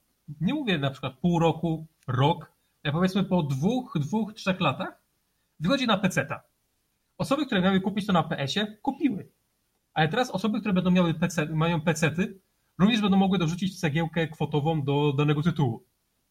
I wydaje mi się, że to jest właśnie, to byłoby bardzo dobre rozwiązanie właśnie ogólnie twórców gier, że po prostu skupić się najpierw na jednej platformie, a później ewentualnie po jakimś tam okresie stopnio, y, zacząć się zajmować przenoszeniem tej gry na inne platformy, żeby jeszcze bardziej rozszerzyć dany tytuł i daną No markę tak, ja, powiększyć. no jak, jak ja osobiście jak najbardziej jestem za, nie? Bo to na pewno, zwłaszcza jeżeli mamy tytuł multiplayer, to wtedy super. No powiedz, zaczyna powoli umierać na konsoli, tak? Mhm. I nagle pojawia się ta opcja, że rozszerzamy. Pojawia się PC, pojawia się jeszcze Xbox. Ogarniasz crossplay i nagle gra przeżywa tak naprawdę dru- drugą młodość. Co też jest bardzo spoko. A z drugiej strony, jeżeli gra jest po prostu single player, no to oczywiście wiadomo, im więcej sprzedanych kopii, tym, tym lepiej dla twórcy. No tak. I zresztą w tym temacie też ekskluzywów Sony chyba zaczęło się, chyba, no, na pewno, zaczęło się otwierać nieco bardziej na pecety. To też jest bardzo spoko, co No właśnie jak mówiłeś, The Last of Us, Pierwszym krokiem jest ten Horizon. no tak. Ale właśnie The Last of Us też chyba w końcu skończy na pececie. Nie zdziwimy się zupełnie. Nieco bardziej zdziwimy się, gdyby jednak zdecydowali się Uncharted przeportować. Dlaczego byś się zdziwił? Za stare. No może jeśli poszedłby remaster. Okej, wtedy, wtedy już jeszcze bym zrozumiał. Taki pak, nie? Wszystkie. Uncharted 1.4. Na Znaczy, no tak, no. konsoli. Wiesz, to tak samo byłoby jakby na przykład e, mieli powiedzmy teraz e, po kolei wypuszczać Gowa na PC-ta. Te stare Gowy, nie? To by, się, to by, to by już trochę się mocno nie, nie udało. Ale gdyby na przykład zrobić taki jeden wielki bandyl, nie wiem, Kratos History powiedzmy, czy Greek Kratos, Kratos History, gdzie masz wszystkie Gowy z tych e, PlayStation 2-3 wydane w e, kolekcji PC-towej. A wiesz co ja bym zobaczył? Gowy wydane na konsolę, tak? Ale te wersje z PSP. Dlaczego to nie zostało jeszcze przeportowane? Nie wiem. Znaczy między innymi jak Choć mówię o tym paku, to mówię też o tych, o tych e, P, e, PSP. Nie, wiem, wiem, ale nie, naprawdę. To, że te dwie gry z PSP nie zostały nigdy wydane poza te dwie konsole, to tą jedną konsolę, przepraszam, to to mnie boli, jako fana Gowa, tak? Nie mam PSP, nigdy go nie dorwałem, ale chciałem i nie mogłem. Wiesz, no, to jest ten sam ból, co ja miałem z Gowem trójką, że ja jestem PC-towcem, nie mam PSP, nie mam PS3, no to sobie nie pogram za bardzo w Gowa. Jedyne Gowy, do których mam PS2? dostęp, to jedynka, dwójka. No tak, no. Już- To nadal uważam, że jednak powinieneś... Mo- no tak. Ale to zawsze możesz u mnie ograć. Mogę. Proponowałem. Ale tak właśnie jak mówiłem, nadal uważam, że powinieneś zainwestować w konsolę. Tak, wiem, PC Master Race, tak dalej, ale to nie jest aż tak duży wydatek, żebyś jakoś bardzo to odczuł na przestrzeni paru miesięcy. Podkładaj sobie. Tym bardziej, że jest też na kompatybilność. A trójka jest dostępna na PS4 w wersji remastered. W 60 klatkach. Więc no 2,5 tysiąca za PS5. Ile ci zapłacili? I, i, jeszcze za mało, nadal czekam na konsolę. jeszcze nie przyszła. I coś czuję, że prędko nie przyjdzie. No cóż. Ja nadal mówię, no, jak dla mnie naprawdę powinieneś kupić konsolę. Zawsze będę ci to powtarzał. Powtarzam ci to od premiery PS3. Nie wiem, czy kojarzysz. Kojarzę. No właśnie. Więc dlatego uważam, mordo, bierz PS5. Wiesz, no problem polega Xboxa na tym, też możesz. Problem polega na tym, że ja na PS nie mam żadnych gier. Wszystkie gry, które posiadam, mam na PC, więc biorąc pod uwagę, ile ja mam tych gier, ile gier cały czas wychodzi na PC, to ja wolę bardziej poświęcić pieniądze na upgrade'owanie PC, niżeli teraz kupowanie konsol i dokupowanie jeszcze do nich gier. No i też w temacie pieniędzy, no, gry podrożały. Tak, i w- ogóle to też jest drugi problem, o którym, ten, o którym nie wspomniałem, mówiąc o tych problemach z eksklu- ekskluzywami, że nie każdy, kto nie, nie, jak ktoś nie posiada konsoli, posiada głównie PC-ta, no to wychodzi sporo gier, które dla, na przykład dane, dane, dla danej osoby nie interesują. Także nie będzie ktoś kupował konsoli tylko dla powiedzmy jednego tytułu. Gdzie na PC-ta ci wyjdzie zaraz jakieś, nie wiem, w międzyczasie ci wyjdzie 15 kolejnych tytułów, które, jako że masz PC-ta, no to możesz się pokusić, żeby za, kupić sobie grę za te 2, za 2500, czy 2500, ja pierdzielę, e, Hmm. 250. Zawsze chciałem taką grę za 2500, ci powiem. 2500. E, To, by- Tak. to by naprawdę musiała być jakaś mocarna gra, aby Na jakiś, przykład Cyberpunk za 2077 zł, nie? aby jakiś naprawdę potężny bundle, że tak powiem. Czy kolekcjonerki po tyle chodzą? Przecież no, chodzi mi o to, że na przykład wychodziło, wychodziło to PlayStation 3, co nie? Mhm. No ja myślałem takie, okej, no w sumie zagrałbym w tego Gowa trójkę, jestem naprawdę najarany tego Gowa, ale nie będę kupował konsoli za prawie 3000 i grę za tam, nie wiem, wtedy to były chyba gry na PSA za 150, coś koło tego? Mm, No, chyba po 200 chodziły. No, Chyba po 200 było. anyway, nie będę kupował teraz konsoli dla jednego tytułu, no come on. No. Gdzie, Ale wiesz co, gdzie na PC mówię, no wychodziły po prostu grę za grą i mogłem sobie te gry kupować normalnie na PC i mogłem się nimi cieszyć. no to rozumiem, ale wiesz co, no, jak kupowałem PS4, nie, to, to nie ma wstecznej kompatybilności. Wszystkie tytuły poprzednie, jakie miałem, a trochę ich na pewno było, to naprawdę mogłem się z nimi pożegnać albo sprzedać. No ale no, jednak kupiłem tą konsolę z Red Deadem na premierę. To w sumie nadal uważam, że to był jedna z najlepszych gier, w jakie grałem. Nie zmienię zdania, sorry. No i tak myślałem, kurde, no, drogie te gry, nie będzie w co grać. A potem patrzę, przeceny. Myślę sobie, no dobra, kiedyś może kupię, jak się powtórzą. Patrzę następnego dnia, nowe przeceny.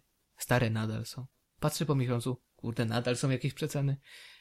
I tak naprawdę wychodzi na to, że jeżeli chcesz kupić jakąś grę, to jeżeli nie jest na premierę, nie?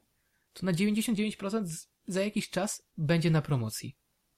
Każda gra, jaką sobie obserwowałem, po maksimum trzech miesiącach była na takiej promocji, że byłem w stanie wydać na nią maks 70 zł. Czy nawet już powiedzmy to 80, nie? Nawet jeżeli kosztowała normalnie ponad 250. Jest to też argument, ale no, kurde, drogie te gry nie będzie w co grać. Jest trochę taki inwalidą, że tak powiem, nie? No offense dla inwalidów. Kocham was. Ale no, gry są naprawdę często przeceniane na PS Store. Zwłaszcza pod koniec życia konsoli. To też trzeba przyznać, pod koniec życia konsoli gry 90% są przecenione. No tak, no ale wiesz, To ale, też jest taki idealny moment, żeby sobie nastokować. No tak, ale musisz, myślisz, że jak kupujesz tą konsolę, to musisz mieć przeświadczenie, że okej, kupię konsolę dla, tej, dla tego jednego tytułu, bo może kiedyś coś sobie kupię na PS Store. Tylko właśnie problem polega na tym, że jeśli masz gracza, który po prostu, nie wiem, powiedzmy, jest, jest ten Horizon Zero Dawn, co nie? Jest, jesteś osobą, która po prostu chce zagrać w fabularnego RPG z otwartym światem i nie interesuje cię ten, nie interesuje cię The Last of Us, nie interesują cię jakieś inne tytuły PS-owe, które tam wtedy wychodziły, no to masz takie przeświadczenie, że nie kupię specjalnie konsoli tylko dla, dla Horizonu. I wtedy pojawia się właśnie ta opcja, że na przykład po dwóch, trzech, niech będzie nawet po czterech, pięciu latach, wychodzi ta gra na PC-ta. I osoba, która była zainteresowana tym tytułem, ale nie chciała wydawać specjalnie pieniędzy na, na konsolę, żeby zagrać ten jeden tytuł, może teraz zakupić sobie tą grę na, na PC-cie i, i, i, tak kupi tą grę w końcu koniec końców i tak kupi tą grę koniec końców, więc wydaje mi się, że to była właśnie dobra, dobra droga na to, żeby zyskać dodatkowych nabywców, gdyby gry te ekskluzywy po jakimś czasie wychodziły również na, inne, na ile konsole. No tak, no to spoko, to już o tym mówiliśmy, ale tak pociągając inną kwestię, jeżeli osoba przez całą generację widzi tylko jedną grę dla siebie, to trochę powiem, coś tu jest nie tak. To wtedy chyba rozsądniej byłoby nawet może na komputerze przyoszczędzić, nie? Znaczy nie, Jeżeli nie... dosłownie masz całą generację, powiedzmy, lubisz RPG, tak?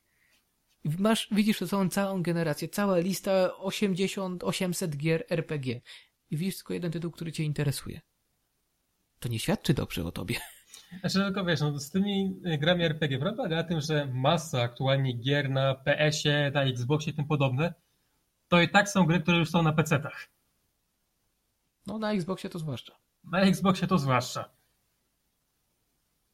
Także Ale wiesz, no, nie, wiesz, takich ekskluzywów, nie, nie, nie, ekskluzywów RPG wychodzi mało na konsolę, powiedzmy. Nie, tu, tu się nie zgadzam, bo RPG japońskie, mój drogi. Masz te swoje RPG Makery, ale nie masz wielu innych gier, właśnie japońskich RPG, które sam osobiście bardzo lubię, bardzo polecam, zwłaszcza serię Tales of, co ci polecałem nawet, tak? Mhm. To jest bardzo fajne RPG. Niektóre części wyszły na PC-ta, to można sobie ograć. Ja ogrywałem Tales of Ves Vesperia chyba? Chyba tak, chyba Vesperia. I to jest naprawdę spoko gierka. Znaczy to, że zapomniałem tytuł może o tym nie świadczyć, ale ostatnio dużo ogrywałem.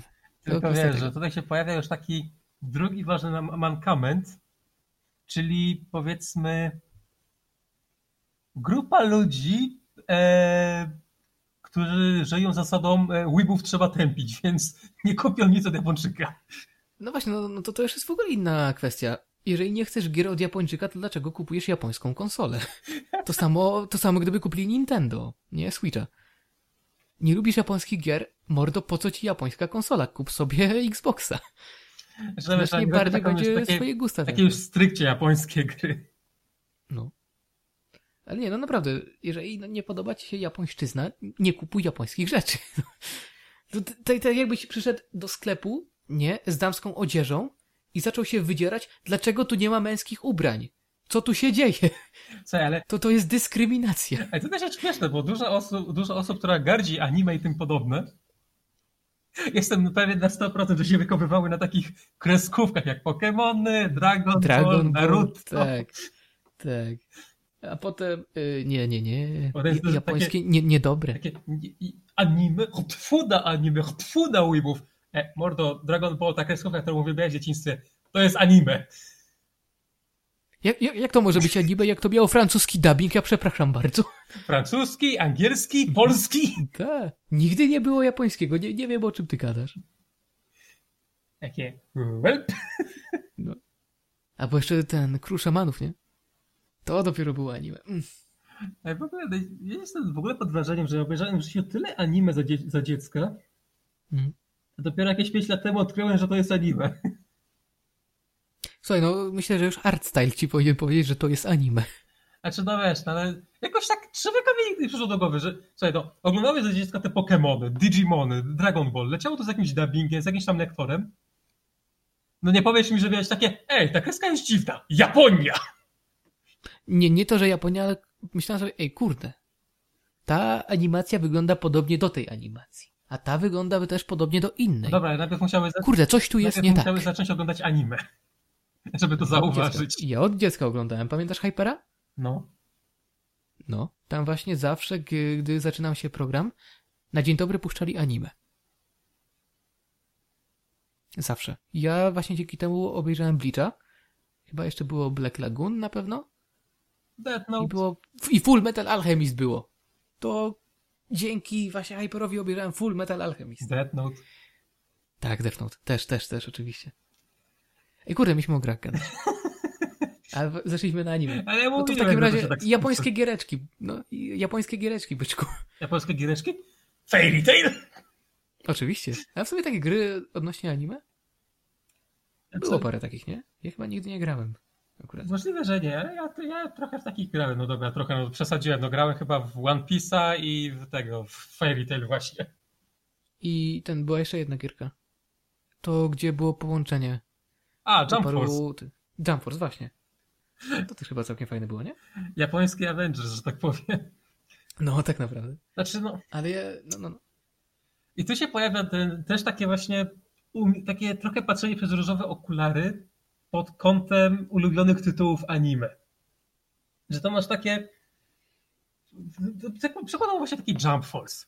Patrzysz takie, okej, Izuku Midoriya z Boku no Hero Academia, lubię to anime, to będzie dobre. Za chwilę patrzysz, kurwa, to jest Jotaro z Jojo, to jest dobre anime, też będzie dobrze. Tu masz za chwilę, nie wiem, jakąś postać, e, tu masz postacie z Bleacha, tu masz postacie z Naruto, masz z Dragon Ball, to masz takie zderzenie weebowe po prostu, Tak, a potem przypominasz sobie, co było z Iron Manami. Tak, i właśnie, Przecież fajna postać, no, gra też musi być dobra. no tak, no i odpalasz tego Jump Force'a, okej, spoko, jest to fajna bijatyka na takie wymużdżenie się, ale nie jak to nie jest dobra gra, w którą możesz tak przysiąść, ponapierdzieć takie mhm, this is good shit, warto było za to zapłacić.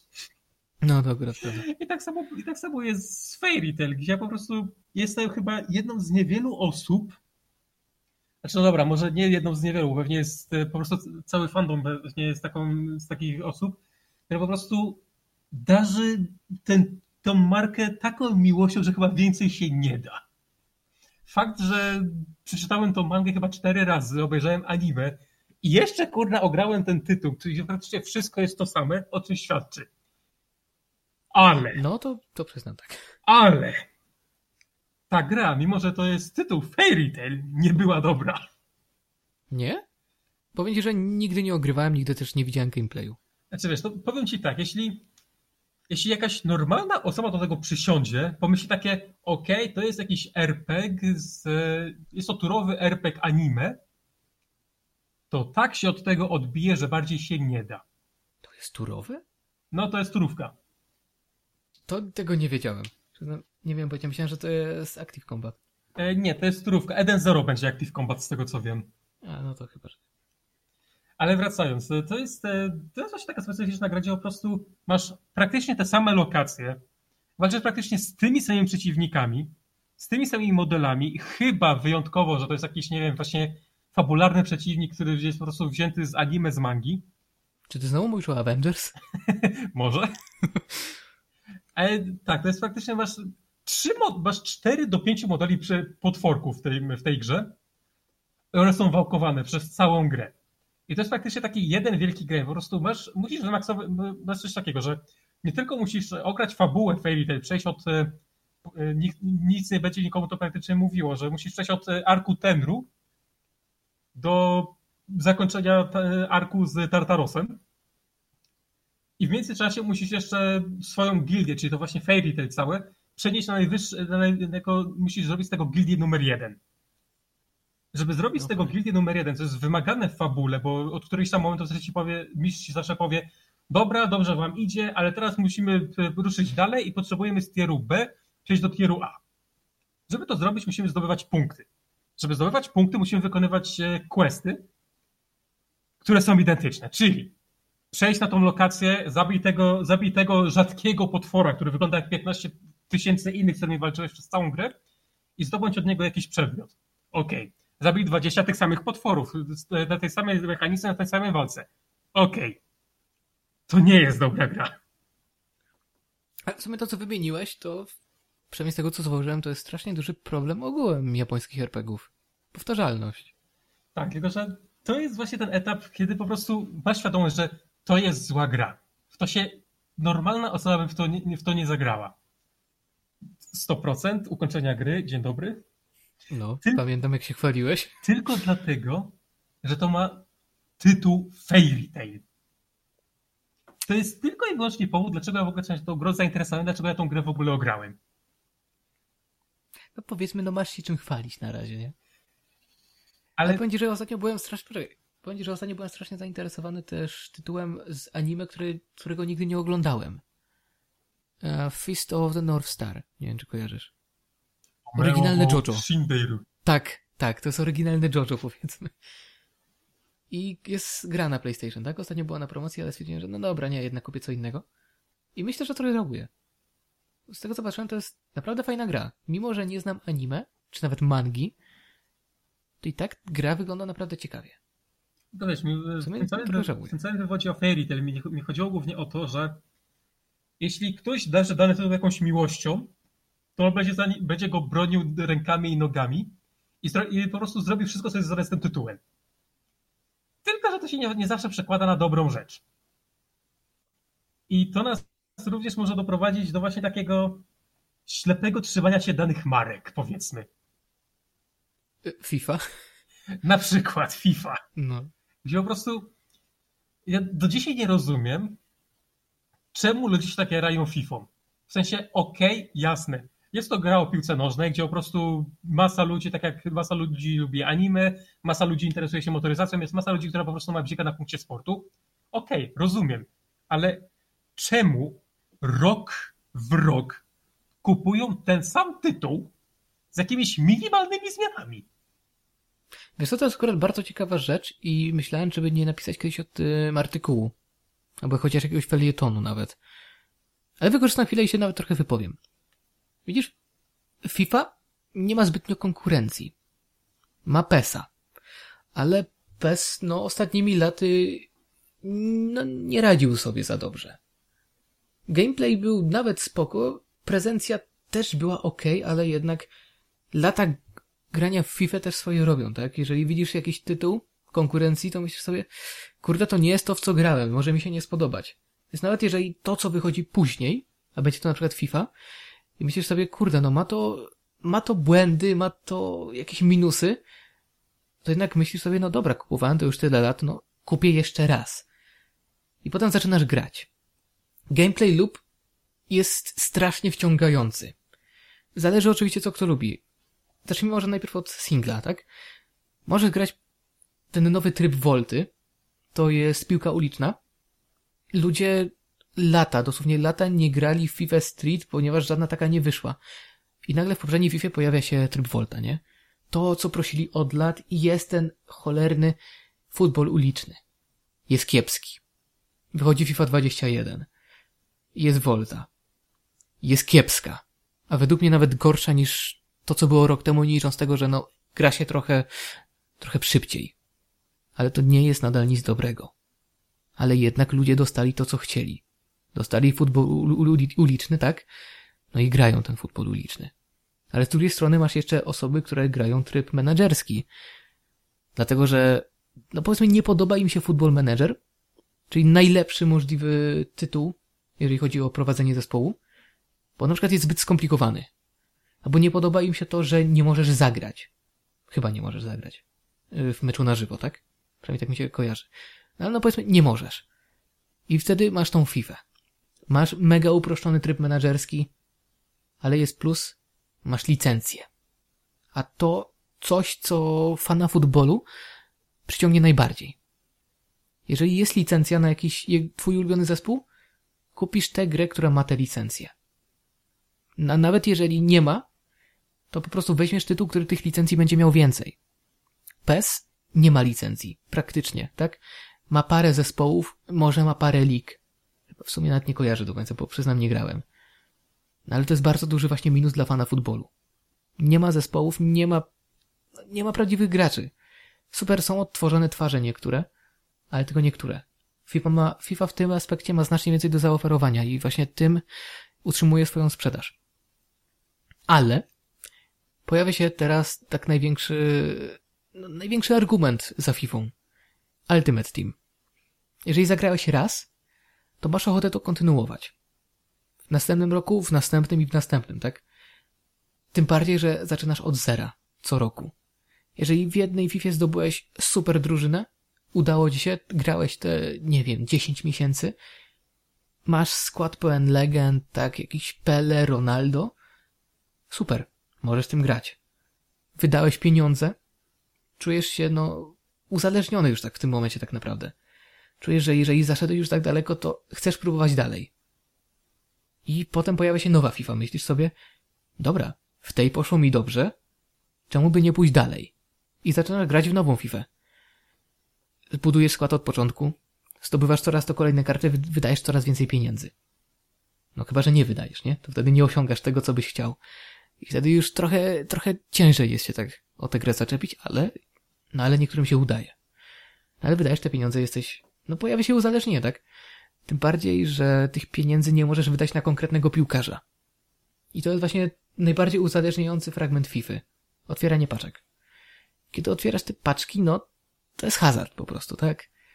Jest ta, powiedzmy, jak to kiedyś określili twórcy Battlefronta bodajże, mechanika niespodzianki. Otwierasz paczkę, nie wiesz co trafisz. Gra automatycznie wyrzuci ci najgorszy możliwy syf, ale myślisz sobie, kurde, w tamtej edycji było spoko. Dostawałem dobre karty, w tej też może dostanę, próbuję kolejną paczkę. Dostajesz syf.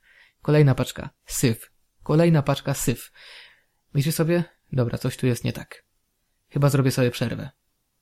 Ale potem myślisz, dobra, otworzę jeszcze jedną. Otwierasz, trafia ci się jakiś super zawodnik nagle, nie? I wszystko zaczyna się od nowa. Grasz, kupujesz paczki, wydajesz kasę, patrzysz, kuj, nic się nie trafia. Potem przerwa, powiedzmy tydzień, bo jesteś zmęczony. Otwierasz pierwszą paczkę. O, Ronaldo. I grasz od początku. I przez to ludzie właśnie wracają do FIFA, wracają do wszystkich takich gier sportowych. Przez to, że A. Nie ma konkurencji. B. Jest gameplay lub który cholernie wkręca. C. Są licencje, które dla fana danego sportu po prostu będą czym, czymś, co przeważy o tym, że kupi daną grę lub jej nie kupi. No i D. Jest tryb hazardu. Tak? Jest rywalizacja też, też online. To jest taki dodatek. Ale naj, największa rzecz, na którą trzeba spojrzeć, to jest po prostu kwestia tego hazardu, uzależnienia od otwierania paczek. Od polepszania swojego składu. No oczywiście możesz te paczki otwierać za pieniądze zdobyte w grze. Ja na przykład tak robiłem, tak?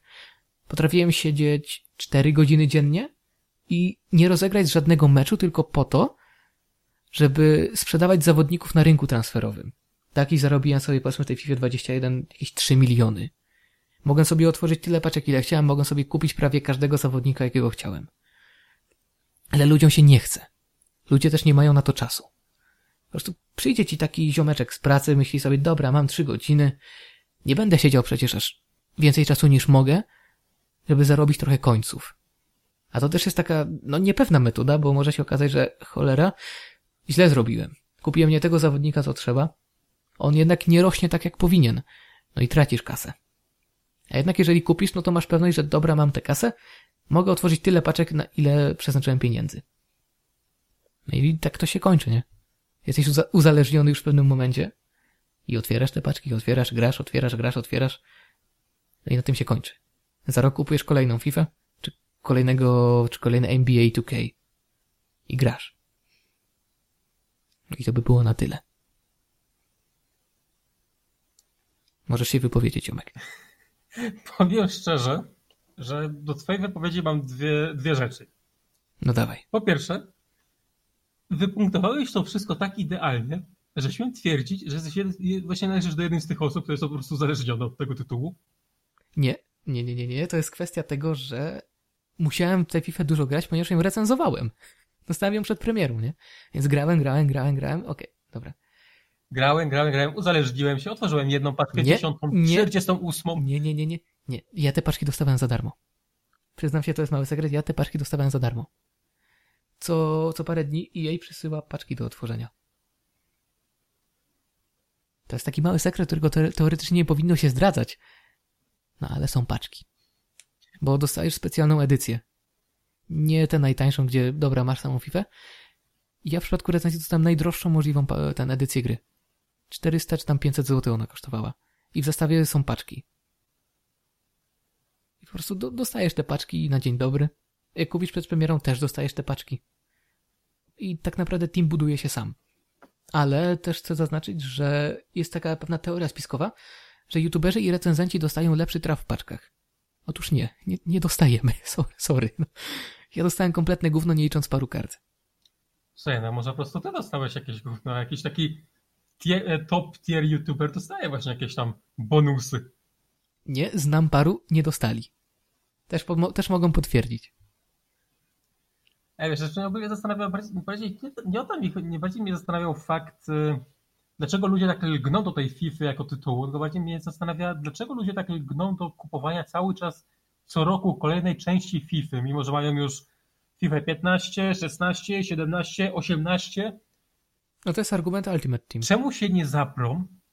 Po prostu nie dadzą zdać na przykład jej, żeby ej, my nie chcemy, żebyście wydawali co roku kolejną część, tylko żebyście się zajęli jedną i ją po prostu upgrade'owali cały czas. Wiesz co, PES tak teraz zrobił. Nie wydał nowej części, nie? Znaczy, no dobra, wydał, ale jest znacznie tańsza. Bo nie wprowadziła żadnych zmian. To jest po prostu jako taki upgrade. I dopiero zmiana pojawi się od y, nowej odsłony. 22 chyba? Chyba 22. Teraz jest FIFA 21. No tak. To PS też będzie teraz 22. dla, no, tak. dla mnie to jest osobiście trochę niepojęte, żeby. Znaczy, no dobra, no akurat się na nie powinienem wypowiadać o ten temat, biorąc pod uwagę no, znaczy, nie, nie, RPG nie, Makery. No właśnie, nie, ale nie mówię, to jest też kwestia tego Ultimate Team. W FIFA to jest po prostu najbardziej uzależniająca rzecz, jaka została wprowadzona. Tak, no, grałeś w poprzednim sezonie, masz ochotę grać też w następnym. No to kwestia tego, że wypuszczają eventy, tak, wypuszczają nowe karty. A do poprzedniej FIFA, no, no sorry, skończył się okres FIFA, to przenoś się do nowej, albo już nic nowego nie dostaniesz. No plus, plus też co tam jeszcze jest. Kurde, chciałem coś powiedzieć. A no tak, zmiany w mechanice. Jest parę rzeczy, no które, które zmieniają, naprawdę. Każda edycja FIFA wprowadza coś nowego. To da się zauważyć no tak naprawdę tylko jeżeli grasz z edycji na edycję, tak? To są te małe zmiany w gameplayu, nawet w grafice, które zmienią te rzeczy, które cholernie denerwowały cię w poprzedniej edycji. Ale zamiast tego pojawiają się nowe rzeczy, które cholernie denerwują cię w tej obecnej edycji. Które znikną no, na przykład w następnej edycji, tak? Ale na ich miejsce pojawią się kolejne nowe. I to jest też takie perpetuum mobile. Masz błędy, które znikają w następnej edycji, za to pojawiają się inne. To jest też taki, no powiedzmy, niedościgniony ideał, tak? Masz powiedzmy taką FIFA idealną bez błędów, bez niczego. Z każdą edycją zbliżasz się do tej FIFA, ale po jakimś czasie ta, to się po prostu cofa, bo wydają łatki, które zmieniają gameplay. No i to się no, wielu osobom po prostu nie podoba. I to właśnie takie, no, jak, jak mówiłem, nie, nieskończone perpetuum mobile. Świadomość FIFA idealnej jest na horyzoncie, z nową edycją się zbliżasz, z każdą kolejną łatką się cofasz. To jest takie moje właśnie spostrzeżenie, na które właśnie teraz wpadłem, ze względu na to, że jest prawie pierwsza w nocy. Ja nie wiem, czy właśnie nie lepiej byłoby na przykład powiedzmy wydać tą, teraz powiedzmy tą FIFA 22 załóżmy. Na takiej zasadzie, że już nie będzie na przykład teraz FIFA 23, 24, 25, tylko wydawać takie mocne łatki, które właśnie wprowadzają nowe mechaniki, dodają nowych zawodów i podobne. To jak taki powiedzmy płatny patch, który byłby dwa razy tańszy od normalnej gry. Ze względów gameplayowych byłoby to na pewno super. Ze względów finansowych? No nie. Sorry, ale nie. Nawet jeżeli, nie, wiesz, nawet mimo tego, że jednak 90, no dobra, 85% dochodu stanowią jednak paczki, tak to 15% też jednak tam jest, tak? Te 15% może o wielu rzeczach stanowić. No tak, ale ta mechanika, mechanika paczek by cały czas została. Tylko, że po prostu tak, byłaby ale... upgrade'owana z nowymi zawodnikami. Ale, ale, ale, ale, nie, nie, nie, słuchaj, musisz zauważyć, że musiałoby dochodzić też do resetów. Jeżeli chcesz utrzymać sprzedaż tych, tych, sprzedaż tych paczek. Co sezon twoja drużyna w Ultimate Team musiałaby być resetowana. A ludzie tego też nie chcą. Bo wielokrotnie zdarza się, że ludzie po prostu wracają sobie do poprzedniej FIFA, żeby pograć dobrym zespołem, który już sobie złożyli. I to nie byłoby w tym momencie możliwe, po prostu ten zespół byłby resetowany. Jeżeli wyszłaby po prostu aktualizacja. To też mogłoby bardzo wielu ludzi zdenerwować. w tym mnie. Okej, okay, fair point. No to jestem w stanie przystać w jakikolwiek sensowny sposób. Kurde, jestem z siebie dumny w takim razie. No jak, no, mówię, no, jak o tym myślę, to FIFA... faktycznie ma to ręce i nogi w tym wypadku. No, no, no, no FIFA no, musi być niestety wydawana. To jest niestety minus gier sportowych corocznych z czymś ala Ultimate Team. Niestety. Dobrze, ale w sumie to był to bardzo ciekawy temat. I właśnie przekroczyliśmy półtorej godziny podcastu. No. Ja myślę, że to jednak na początek będzie optymalny. Tak? Optymalny odcinek? Myślę, byłoby Optymalna okay. długość. No tak. I zobaczymy też, ile osób przesłucha to do końca. A to, to już może jak, być jak... problem. Tak, to, to już da, da, nam znać przede wszystkim, czy odcinki powinny być dłuższe, czy jednak odcinki powinny być krótsze. Czy w ogóle Oczywiście też, jeżeli... Tak, to też. Oczywiście, jeżeli dotrwaliście do tego momentu, to zachęcamy do skomentowania lub podzielenia się swoją opinią na Facebooku bądź na Twitterze. Zostawcie komentarz o treści. Tak, please, zostawcie. Daj chociaż lajka, mordo. Tak na dobry początek, nie? Nie, no oczywiście żart ocencie tak, jak uznacie. Jeżeli spodobało wam się, napiszcie, zostawcie lajka. Jeżeli uważacie, że coś trzeba zmienić lub uważacie, że to nie ma przyszłości, dajcie nam znać. Na pewno weźmiemy wszystkie komentarze, tak? Wszystkie uwagi krytyczne, konstruktywne, chamskie. Weźmiemy to pod uwagę. Tak, z doświadczenia wiem, że nawet najbardziej mieszający cię z błotem komentarz, to jednak jest jakiś komentarz, który to, coś mówi na temat tego, co się u ciebie dzieje. Dokładnie. Najgorzej jest u twórcy, u którego się nie dzieje nic. Masz jakieś łapki, masz jakieś wyświetlenia, ale nie wiesz na czym stoisz, bo nieważne o co się zapytasz, nieważne o jaką poradę poprosisz, cisza. To jest najgorsze, bo nie wiesz na czym stoisz. Pytasz się, słuchajcie, czy wam się podoba materiał w sposób taki, taki i taki? Cisza. I ty nie wiesz, czy lepiej robić krócej, czy lepiej robić dłużej, czy robić jakieś inne machinacje. Nie wiesz tego, więc ładnie proszę, daj, wyraź swoją opinię w jakikolwiek sposób. Długi, krótki, doradźcie, schejtujcie, powiedzcie absolutnie cokolwiek, abyśmy... Tylko my... nie mieszajcie w to naszych mam. Tak, nie mieszajcie w to naszych mam, naszych sióstr, naszych e, kuzynów, kuzynek, babci, psów i tym podobne. Dokładnie, zostawcie to dla nas. Tak. Tylko po prostu dajcie nam jakikolwiek odzew, żebyśmy wiedzieli, na czym my stoimy. Dokładnie. W takim razie bardzo dziękujemy za przesłuchanie. Jeżeli słuchacie tego też na Spotify, to zapraszamy do zafollowowania. Na górze, jeżeli słuchacie na telefonie, powinien być taki przycisk obserwuj. Wtedy dostaniecie powiadomienie, kiedy pojawi się następny odcinek. Jeżeli kiedykolwiek się pojawi. No. Dlatego zachęcamy do obserwowania i ewentualnie też polajkowania na Facebooku. A to by było w takim razie na tyle. Ja na pewno się już żegnam. Jeżeli Edwin ma coś jeszcze do dodania, to śmiało. A ja mówię w tym momencie do widzenia i dobranoc. W sumie myślę, że jedyne co mogę właśnie powiedzieć, to już wszystko powiedzieliśmy. Tak więc również się żegnam. Miłej nocy, wieczoru, dnia, pracy, smacznego obiadu, cokolwiek teraz robicie. A my, się, a my słyszymy się, kto wie, kiedyś. Tak więc do zobaczenia, do usłyszenia. Trzymajcie się. Papa. Pa. Żegnajcie.